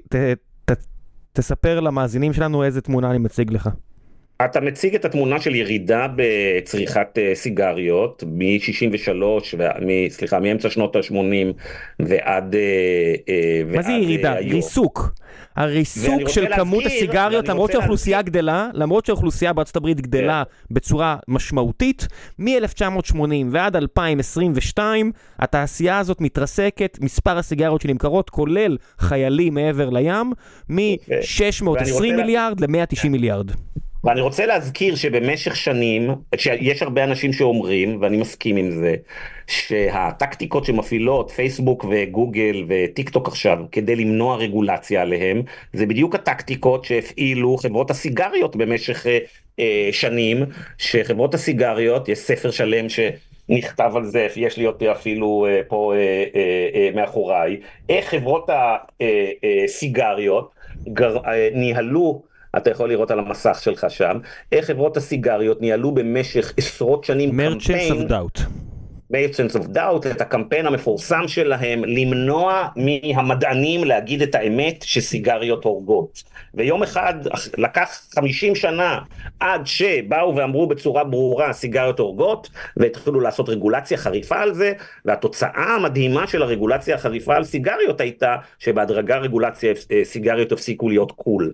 עכשיו, זה קרה עם סיגריות? זה קרה עם אה, עופרת בדלק? נכון. אה, זה, זה, כל אחד... זה קרה עם צ'יילד לייבור, זה קרה עם כל דבר. כל אחד מהדברים. שציינו עכשיו, שהרבה אה, אנשי ימין כלכלי אה, מתעלמים מהם, זאת אומרת מכך שזה קרה, מכך שמאבקים חברתיים הובילו לכך, אחראים לעשרות נקודות איי-קיו שהוחזרו לעולם, אני לא מגזים, תקראו את המחקר על ההשפעה של עופרת באוויר ועל מיליוני אנשים שהיו מתים אחרת. אני עכשיו מראה לך פה על המסך ספר אחר, אה, שכראוי שאנשי הימין האלה אה, שמקשיבים לפודקאסט שלך יקראו אותו. אה, אתה בטח מכיר אותו, את דרון אסמוגלו, הוא אחד מהכלכלנים המצוטטים ביותר בעולם, אוקיי, מ-MIT. הוא פרסם את הספר הזה. מאמר מוסגר אתה עובד איתו, אל תהיה ככה, תן גילוי נאות. לא, אני לא עובד איתו, לא עובד איתו בכלל. רגע, לא כתב... אה, כתבת עם זה, איך קוראים לו? אה, לא, לא, לא, אין לי שום קשר לדרון, הייתי שמח לעבוד איתו, לא נראה לי... לא, לא, איך קוראים לכלכלן איטלקי שכתבת איתו? אה, לא, זה ספר אה, אחר, פרופסור לואיג'י זינגלס. זינגלס, נכון, נכון מצטער, התבלבלתי בכלכלן לא, האיטלקי, אתה צודק, מצטער. אסמוגלו הוא טורקי, הוא לא נכון, איטלקי. כן, כן, כן. והספר הזה הוא מדהים, ולמה? אני לא אכנס, אני לא רוצה, אני רוצה לחזור לסדרה, הספר הזה מביא, זה ספר של, מחזיק פה, אה, הוא כתב אותו עם סיימון ג'ונס, זה ספר של 500 עמוד, שבו הוא מסביר שכל ההיסטוריה האנושית של קדמה טכנולוגית, שים לב, של קדמה טכנולוגית, מבוססת על זה שמה שהאיץ את הטכנולוגיה, ומה שגרם שהטכנולוגיה עובדת עבורנו ולא עבור מעטים, זה רגולציה. רגולציה זה מנוע לחדשנות, לצמיחה ולשגשוג של הטכנולוגיה שהיא משרתת אותנו, וזהו מראה ולמי שרוצה אה, משהו קל יותר, המלצה גם שלך שאני לקחתי בשתי ידיים, למרות ספר שהוא קצת עצבן אותי, אבל עדיין ספר מאוד חשוב לקריאה, של מאט סטולר, אה, נכון. איך זה נקרא? סטולר מתעסק בעיקר בנושא של מונופולים. אבל זה הנושא שאנחנו אה, מדברים עליו. כן. ספר באמת כן. שאני ממליץ עליו בחום, גם למי שהולך להתעצבן ממנו. ספר בשם גוליית. גוליית, אוקיי? נכון. אה, כן. קליל. אני חושב שהספר של, אני חושב שהספר של דרון, בגלל שהוא כתב אותו עם סיימון ג'ונסון, הוא ספר הרבה יותר קל לקריאה. וואלה. וכל, כן, כן, ספר מאוד מאוד קל אוקיי. לקריאה ונוח, זה היסטוריה של 700 שנה של טכנולוגיה, אנשים מאוד... אה, אה, אנשים מאוד יאהבו אותו. אוקיי, בוא נחזור לסדרה ואז גם שאלות מן הקהל, אל תשכח, יש לך הרבה. אה, אה, בסדר, תשמע, אני אקצר ואני אגיד על לגבי, בכל זאת משהו על שבעה ב... אה, על שבעה באוקטובר ועל מה שקרה אחרי אה, שבעה באוקטובר. אנחנו כולנו יודעים שנכשלנו מודיעינית וצבאית בשבעה באוקטובר, אבל יש כישלון אחד שכנראה אין לו מספיק מודעות. וזה שחמאס והשותפים שלו, איראן, יכול להיות שגם סין ורוסיה, התכוננו לאירוע כזה כבר חודשים ארוכים, ואנחנו מביאים עדויות שהם נערכו לזה אה, אולי חצי שנה ואולי שנה, ובשבעה באוקטובר היו חדרי מלחמה דיגיטליים, שיש מישהו עומד אותם במיליוני דולרים, וגורמי מודיעין שמעריכים שזה קמפיין התודעה הגדול בהיסטוריה, יותר גדול מהקמפיין שאתה ציינת של הרוסים והילרי. מן הסתם, ו... שמונה. שנים של התקדמות בנושאים האלה, אז למה שזה, לא- למה שזה לא יהיה הרבה יותר גדול? גם לשיחה הבאה. שמע, זה, זה, זה, זה באמת, זה, זה היקפים שלא נתפסים, זאת אומרת, מי... יכול להיות שזה כסף קטרי, יכול להיות שזה כסף רוסי, אה. לא יודע מה זה, כן. אני אאמר כן. על D, all of the above. כן, אבל אנחנו לא הסתפקנו בהקשר הזה רק ב, ב, בדיבורים וברעיונות ב, ב, ב, כאן באולפנים, ואנחנו, צוות התוכנית ואני יצאנו אה, לפני אה, חודש וחצי לקמפוסים של אוניברסיטאות העילית בארצות הברית. היינו בקולומביה, היינו ב-NYU, היינו ב-MIT, אה, היינו בהרווארד, ושם ראם, אנחנו פגשנו את דור הטיק טוק, אנחנו פגשנו אה, צעירות אמריקאיות אה, לחלוטין, שהתחילו לפני חודשיים לחבוש וללבוש באופן קבוע, שהן באות לקולג' בנות 19, כפיות. ולהסביר שהן אה, אה, תומכות חמאס, וביקשנו מהם שיראו לנו את הפיד שלהם, ושיסבירו לנו איך הם גיבשו את דעתם, מדוע הם תומכים בחמאס. ושוחחנו את זה. לאיפה הלכת? החמאס פגע בנו. אמריקאים צעירים הקריאו את המכתב של אוסמה בן לאדן, שאחראי לפיגוע הכי גדול בתולדות ארצות הברית, והם אמרו, החיים שלי הת- התחלקו ללפני ואחרי שקראתי את המכתב, I totally get it now. ואני אומר, ואז הלכתי וקראתי את זה, אמרתי, אתם מפגרים או מה? אתם מפגרים או מה? אז, אה, אז אני אגיד לך משהו, יש אחד. אחת המרואיינות ברשתות החברתיות, אה, אה, בכירה ברשתות החברתיות, אני מדבר איתה על זה, ואז היא עושה לי חישוב, מה שקוראים ככה back of the envelope, לכמה פעמים תכנים מסוימים של החמאס נחשפו על ידי צעירים בארצות הברית. והיא אומרת לי, תשמע, אנחנו יודעים ממחקרים שבעיקר שאנחנו אנשים צעירים, אנחנו יודעים כמה פעמים אני צריך לחשוף אותך למשהו כדי שאתה תאמין שהוא אמיתי.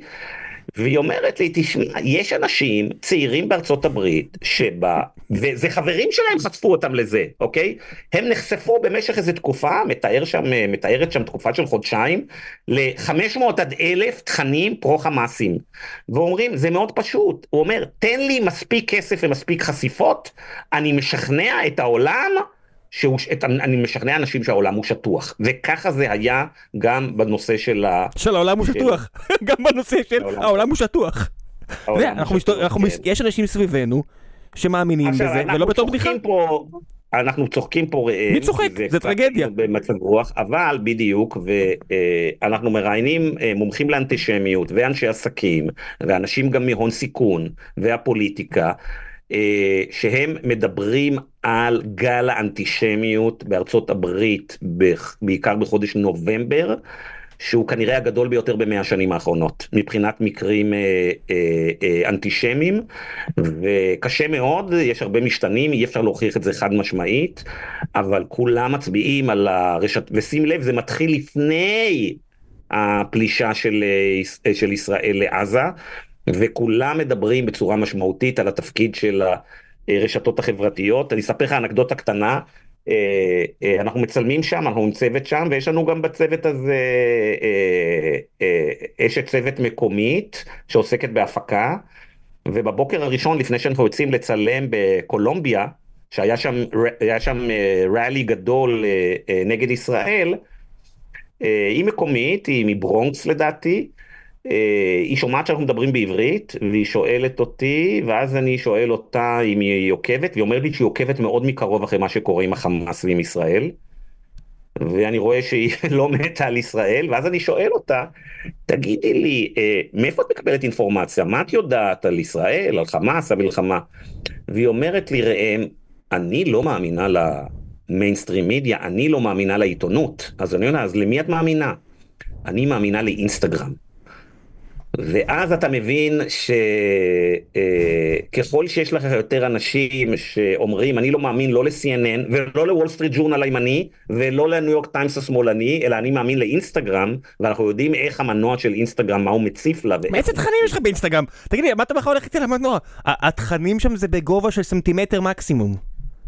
כן, אנחנו מדברים פה על בעיות שבאמת כבן אדם שחי בישראל ולא אובייקטיבי, אני... אתה, אתה מדי מבוגר והילדים שלך מדי צעירים אז את הדור אה, שלומד על כל העולם מטיק טוק ואינסטגרם אולי אתה פחות מכיר טוב. אני, אני אספר לך לא חושבים- חושבים אחרת ככה. שבת זוגי, אה, שהיא לא ילדה, היא חזק באינסטגרם.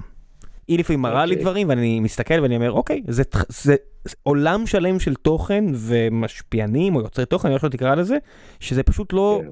זה בכלל לא נמצא ברדאר שלי. היא מראה לי דברים שאני בכלל לא נחשף אליהם כי זה אצלה ולא אצלי. עולם אחר. טוב. טוב חכה בוא נעשה קצת שאלות אתה מן רוצה הקהל. שניקח שאלות מהקהל? כן, אה, כי הבטחת לי שאתה רוצה לענות להרבה אז התחלנו אפילו להקליט הרבה, מוקדם. לכולם. לא, לא לכולם, אל תגזים. יש... אה, אה, אמרתי שאתה מגיע לפני 4 שעות, ויש בטוויטר איזה 15 שאלות, ובפייסבוק עוד 20. אני לא, אנחנו לא נגיע להכל. אוקיי. אה, אה, אם אפשר בעיקר שאלות על כן. דיגיטל, על מונופולים דיגיטליים, אבל אני גם אקח שאלות אחרות. כן. אם בא לך על הגז, נדבר על הגז, אל תהיה ככה. אגב, אני רק רוצה להגיד, הסדרה, אומנם שלושת הפרקים הראשונים שעולים ביום ראשון הקרוב בכאן 11, עוסקים במונופולים דיגיטליים, אבל הסדרה לא עוסקת במונופולים דיגיטליים. הפרקים אחרי זה עוסקים בנושאים של אה, כלכלה פוליטית, של כסף, של שלטון, של ביטחון, של מחאה, you name it, כל הנושאים שאנחנו מתעסקים בהם אה, כל הזמן. ברשותך, אני הולך אה, לדלג, אלא אם כן אתה מתעקש, אני הולך לדלג מעל שאלות שקשורות לאיתי לשם. זה מקובל עליך, או שאתה מרגיש צורך להגיב על זה? אין לי מה להגיב. גם לי. אז אני מדלג הלאה. אה, אם הייתי יודע, הייתי אומר, אבל אין לי. וכיוון שאני לא, לא יודע, אז אין לי מה לדבר על זה. אה, מצטער למי ששאל שאין לי מה להגיב על זה. אוקיי. איך אתה...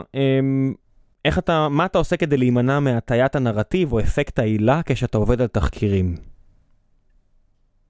קודם כל אין, אין לי אפקט ההילה של המרואיינים. שמע, אתה מאוד אה, מאמין בדרך מאוד מסוימת כבר המון המון שנים. אני מניח שהשאלה היא, מה אתה עושה כדי לוודא שאתה לא טועה? אה, אוקיי, אז קודם כל, מה ש... אה, ההילה שלי או ההילה של המרואיין? אני לא יודע איך, אני מנסה פה, אתה יודע, תענה לזה, אני יודע. אוקיי, אז תראה, לגבי ההילה של המרואיינים, אני חושב שה... אני עוסק כל uh, חיי העיתונאים בלהתמודד ולבקר ולראיין את האנשים בעלי הכוח הגדול ביותר ושיש להם הילה. והרבה פעמים התפקיד העיתונאי אה, שלנו זה לפוצץ את ההילה הזאת, להסתכל מעברה. אה, פעם היו דנקנר ופישמן, הייתה להם הילה, ואנחנו בדה מרקר אמרנו ההילה הזאת לא מוצדקת, אז זה בעצם תפקידנו כ, כעיתונאים, זה דבר אחד. דבר שני, ב... עשור האחרון, אני נמצא, אם זה עילה אישית והשפעה שלי יש, וזה, אז בעשור האחרון אני בעיקר עובד אה, אה, בתחומים רבים בארצות הברית, וכאן, אה, תודה לאל, אף אחד לא מכיר אותי, אין לי שום הילה, אני דג קטן בים גדול. אוקיי, okay, לפני שנעבור לשאלה אחרת, אני, אני חייב להוסיף אבל, כי לא רוצה לקטוע אז, שאם אני חייב בכל זאת להמליץ, פתאום קפאתי שאני חייב לעשות את זה, אה, אוסו מוגלו גם כתב את Why Nations Fail, שזה אחד מהספרים נכון. שהכי פיצצו לי את השכל, ובניגוד לסופרים אחרים מהתחום שנערצים, בלי לציין שמות שלא יכעסו עליי, זה בעיניי הכי טוב מהז'אנר הזה, והוא פשוט... מי הדוגמה הזאת שהוא לוקח, אתה יודע, את שני הצדדים של אה, מקסיקו וארצות הברית, עיר ספציפית שם בגבול ומסביר את ההבדלים. ראם, אני, יש לי תקציר, אה, אה, למי ש... כיוון שאתה מתלהב מהסמוגלו, אז אני עשיתי שיחה של 40 דקות עם הסמוגלו לפני חודשיים ב-MIT. אם תביא לי לינק, אני, אם תביא לי לינק, אני... ואני אשלח לכם את הלינק, זה פודקאסט כל... המרקרים שלי ושל ענת ג'ורג'י, ואני אשלח כל לינק, אני גם מאוד אוהב את הפודקאסט הזה, אז כל לינק שתרצה לפרק הזה, אז אני אעלה אותו היום בלילה, תשלח לי, ננסה, אני פשוט... Why Nations Fail זה פשוט ספר שאני מרגיש שאנשים חייבים לקרוא אותו כדי לראות מה, מה, למה השחתה של נורמות ציבוריות, ציבוריות יכולות להרוס פוטנציאל של מדינה, אה, ואני אומר שזה קשור לישראל, לא מתחבא מאחורי זה, ו, ו, ואני אומר שזה ספר חובה לישראלים. אה, שם שואל, שם שהיה בפייסבוק אה, ועזב, שואל, בתור אחד שכבר עשר שנים צועק שהמלך הוא עירום, האם אתה מרגיש שאתה מצליח להזיז משהו? אה, אני צועק, אני צועק 30 שנה על הרבה מלכים שהם אה, אה, עירומים. כשהתחלתי את הקריירה העיתונאית שלי לפני 35 שנה, היה עיתונאי בשם דוב גניחובסקי שהיה לו פינה בגלי צה"ל. ויום אחד שהייתי בן 22 וביקרתי מאוד את בנק הפועלים ואיזה מכשיר פיננסי שגרוע שהם שיווקו לציבור, אז גניחובסקי אמר, אה, יש אחד, רולניק, מאוד צעיר, כותב בעיתון אה, הארץ, מבקר את אה, בנק הפועלים ואת תקנות נאמנות שלו, הוא הילד שצועק המלך הוא עירום, ואז הוא סיים את הסיפור והוא אמר, רולניק, הוא לא, לא הכרתי אותו, הוא מדבר עליי דרך הרדיו, דרך גלי צה"ל, הוא אומר, תדע לך שהיית קטן, ההורים שלך לא סיפרו לך את הסיום האמיתי של מה שקורה לילד שצועק המלך הוא עירום. והוא אומר הסיום האמיתי הוא זה שהתהלוכה ממשיכה לזוז והיא משאירה את הילד פלט כמו פיתה על הרצפה.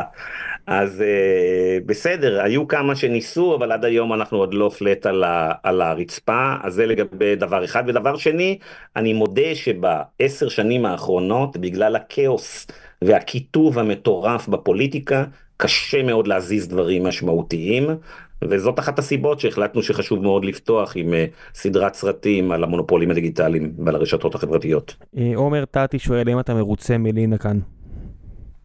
אני מאוד מאוד מרוצה מלינה כאן, אני יודע שיש עליה, אה, זה יהיה ה chairman של ה-FTC, שזה רשות ההגבלים העסקיים האמריקאית שחולקת את זה יחד עם ה antitrust division ב-DOJ, אני מאוד מאוד מרוצה. אישה צעירה, בת פחות מ-40 שקיבלה תפקיד אה, מאוד מאוד חשוב, אחרי שבדוקטורט נכון. שלה היא תקפה את אמזון, אה, והיא קיבלה נכון. את התפקיד אחד החשובים בכלכלה כן, האמריקאית. יש ביקורת. יש ביקורת אדירה עליה משני סוגים, אחד מהמון הסקטור העסקי האמריקאי שנבנה על מונופולים ומיזוגים ורכישות ששונא אותה ולכן כל שבועיים קבוע יש עליה מאמר מערכת שהיא איומה ונוראה בוול סטריט ג'ורנל כי הם כל כך שונאים אותה שם, זה ביקורת מצוד אחד. והביקורת השנייה זה שהיא לא עושה מספיק והיו לה כמה משפטים שהיא לא הצליחה בהם ואני אומר רבותיי 40 שנה לא אכפו את ההגבלים עסקיים בארצות הברית בצורה רצינית. כדי לשנות את זה זה לא בשנה ולא בשנתיים אבל אני חושב שהיא הולכת בכיוון הנכון ביותר. בוא נעשה עוד קצת שאלות. אה, האם אתה מתכוון לשנות כיוון הסתכלות ולראות בגירעון השקלי כהשקעה במשק הישראלי שתניב צמיחה ולא כמו הנומרטור העלוב של האוצר שמסתכל על הגירעון כמו חוב של משק בית? שנים שאתה בדה מרקר, אה, דיברה, אני מקריא את השאלה לא כמו שהיא, דיבררתם את האוצר בנושא הזה והמשק הישראלי נראה כמו הסוס שניסו לאמן אותו ולא לא לאכול. אוקיי. טוב, מעולם לא דבררתי את משרד האוצר, יתרה מזאת, אה, אני מעט מאוד מדבר עם אה, משרד האוצר לדעתי אה, בעשר ובעשרים שנים האחרונות, ואם תלך לטורים שלי, אז אתה תראה שאני בעיקר, בעיקר מבקר את משרד האוצר. ועכשיו לגופה של השאלה, כן, אני חושב שאנחנו, הדיון תמיד על גודל הגירעון הוא דיון גרוע, זה הכי קל לכל, לכל מי שעוסק בזה, גם לעיתונאים וגם למשרד האוצר וגם לפוליטיקאים וגם לימנים וגם לשמאלנים, ותמיד נמנעים מלדבר מה, ממה מורכב הגירעון. אם אנחנו מייצרים עכשיו גירעון בגלל שהחלטנו לתת מיליארדים אה, למערכת החינוך החרדית, אז זה דבר אחד, ואם אנחנו נשים עכשיו מיליארדים בתשתיות כדי שיהיה לנו מערכת רכבות נורמלית, זה דבר אחר. אז המספר עצמו בגירעון לא מבהיל אותי ולא מפחיד אותי. אני חושב שמה שיפחיד אותי ומה שיפחיד משקיעים, אם הם יחליטו לקחת את התשואה של איגרת חובה של ישראל לעשר שנים משלושה ארבעה אחוז לחמישה או לעשרה אחוז, זה לא רק המספר של הגירעון, אלא לאן הולך הכסף. בוא נעשה קצת אה, שאלות גם אה, מה, מהרשת של החברים שלך בפייסבוק, ולא רק מהרשת של אה, החברים שלך ב-X. אני מסרב לקרוא לזה X, זה טוויטר. שנייה אחת. כן, אכן מחכות לך פה עוד 15 שאלות. שאלה אישית, אם אתה רוצה. רגב לרנר, האם אתה מצטער ששמך נקשר עם שרלטנים כמו זליקה וגוטווין? איך קוראים, איך, מה השם של דני? גוטווין? גוטווין? דני גוטווין. קודם כל, לא הייתי מכניס את אה, דני גוטווין ואת... אה, גם אני לא. אה, הקראתי את זה כמו שזה, אני חושב שיש פער עצום בין כן. השניים האלה. אני חושב שדני גוטווין הוא פרופסור רציני להיסטוריה. שיש לנו חילוקי דעות בנושאים רבים ויש דברים שאנחנו... לא הייתי קורא לו שרלטן, לא הייתי קורא לו לא שרלטן. אבל לא הייתי קורא לו אה, שרלטן, זה דבר אחד. דבר שני, יותר חשוב הוא, זה ששמי נקשר איתם זה בגלל שדורון צברי הנהדר החליט לעשות סדרה, והוא עשה בה שלושה, כשגרו למקש הכסף, והוא עשה בה שלושה פרקים, הפרק הראשון היה על אה, הקמפיין של דה מרקר ושלי נגד המונופולים והטייקונים, השני היה על זליכה שהיה חשב כללי, והשלישי היה על גוטווין שהוא אה, אה, היסטוריון. מה שחלק מהאנשים לא יודעים זה שאני מעולם לא פגשתי את השניים לצורך הסדרה, לא היה לי שום קשר אליהם, לא לפני ולא אחרי. אז כל מי שקושר בין הדברים האלה עושה את זה על אחריותו האישית. אז אין לך שום קשר. אמ, עזוב, את השאלות האלה. איך אתה מסביר את השינוי הגדול שאתה ורבים אחרים עשיתם ביחס לרעיונות כלכליים שמאלנים, שמאלנים עם אה, מרכאות, בעשור האחרון שפעם נדחו על הסף פה? לא יודע.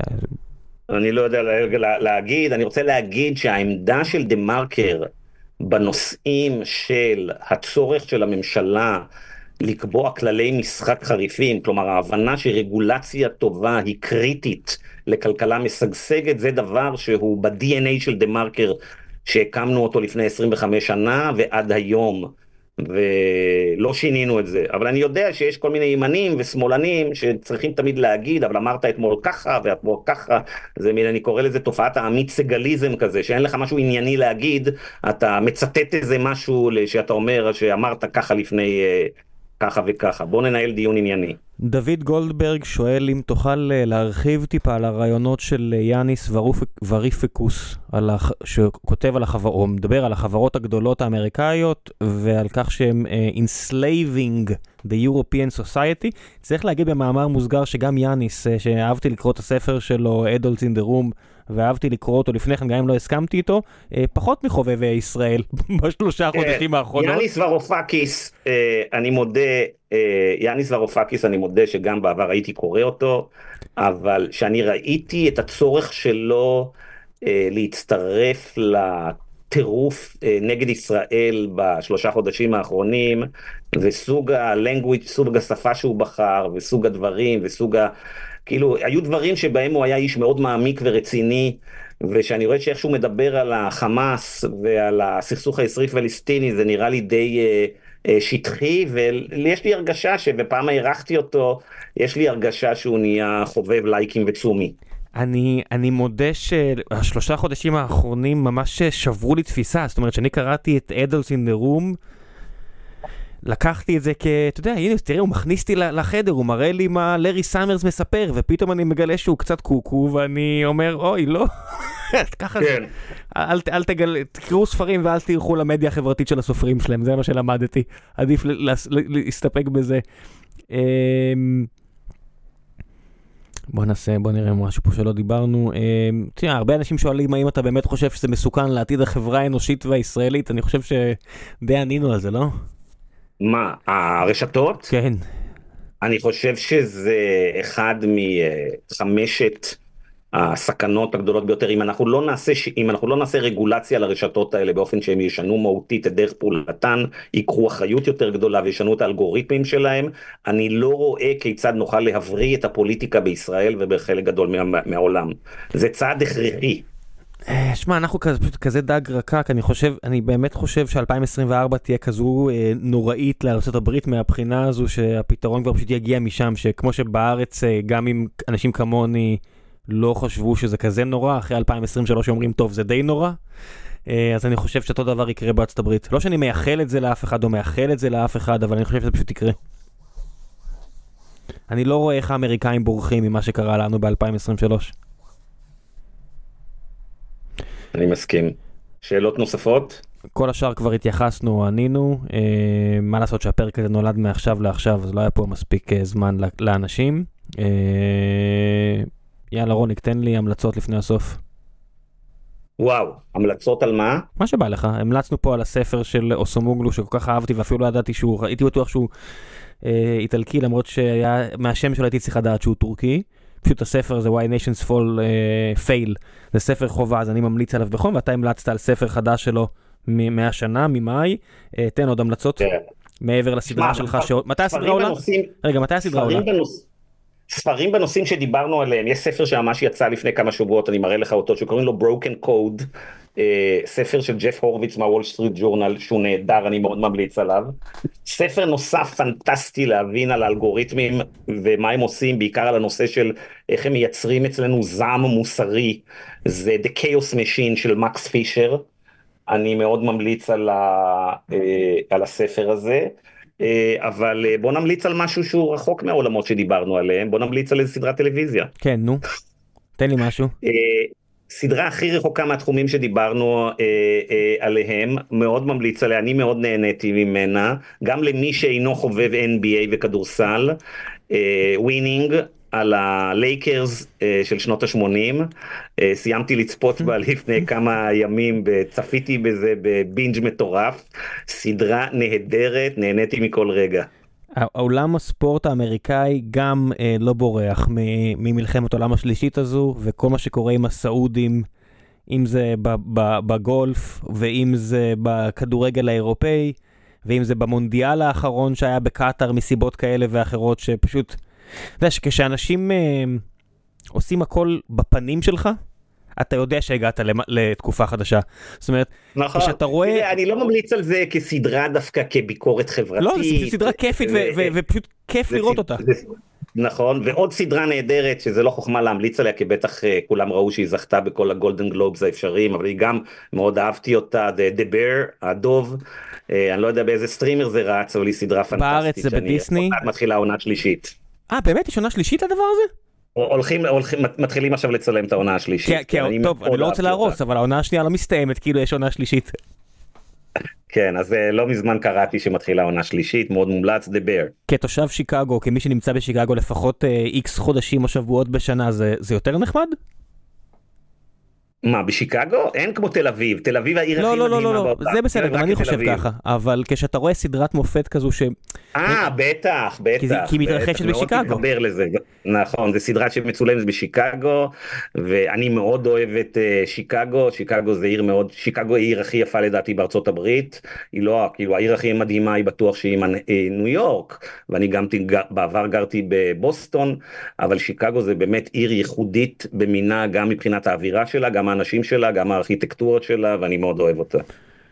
כן, יש, יש משהו בסדרות מופת שמצליחות, או בכלל יצירות מופת שמצליחות להעביר מקומות, אתה יודע, מבלזק, לא יודע, אבא גוריו פריז, ועד ל... אתה קורא האמן ומרגריטה מוסקבה, ואז אתה רואה משהו כזה על הדוב, ויש שם פרק שהוא בקופנהגן, אחת הדמויות, ושאלתי איזה חבר שהוא דני, תגיד, ראית? אומר, בטח ראית, כולנו ראינו את זה. ואתה רואה שסדרת מופת מתארת מקום, היא פשוט עושה לו שירות כזה טוב. אז הסדרה הזאת היא שיקגו, אני יודע. יש כמה סרטים מאוד מאוד מפורסמים שנעשו בשיקגו והם כאילו הם הפכו להיות כאילו שאנשים אומרים שיקגו אז זה סרטים מלפני המון שנים יש את ה Blues Brothers שזה שיקגו ואילינוי שזה סדרה אה, אה, מדהימה יש את Trading Places עם אדי מרפי ודן אקרויד Mhm. בשיקגו גם, שני המקרים שציינת את- זה דן אקרויד, כן? נכון נכון ויש את אה, הנמלט עם אה, הריסון פורד בשיקגו ואם אתם זוכרים כילדים נורא אהבנו את Ferris Bueller's Day Off. עם בוודאי. אה, מת'יו מ- עם זה גם בשיקגו. היי, אה, פריס ביולר, אה, כן, והבלתי משוחדים. אה, אל קפון גם. בכל זאת זה שיקגו. טוב, ידידי, תמיד כיף. אני אזדרז להעלות את הפרק, שלח לי את כל שיקגו הלינקים. תהיה בסדר ראם אנחנו צריכים לדאוג לתל אביב ולישראל זה אני- שם כל האנרגיה שלנו. אני, זה- אני מודה שאחרי השבעה באוקטובר כמעט כל בעיות של מדינה אחרת אה, הרבה פחות אה. מעניינות. זה, זה מדהים איך נושא האקלים אה, תוך באבחה אחת הפך להיות הבעיה מספר 99 שלי. בלי להעליב אף אחד שאתה יודע, דואג לגבי כל הכדור. לא שאני חושב שזה לא חשוב, פשוט אתה יודע. מה לעשות שאני אני ממש מקווה להגיע ל-2025 ומנסים אה, להפריע לי בדברים האלה. אה, טוב, בלי להיות פסימי מדי. תודה רבה ידידי, שלח את כל הלינקים וזה בחוץ. ביי. ראם, תודה רבה ונתראה כולנו ביום ר- ביום ראשון 21 בינואר אחרי החדשות בכאן 11. ביי ביי.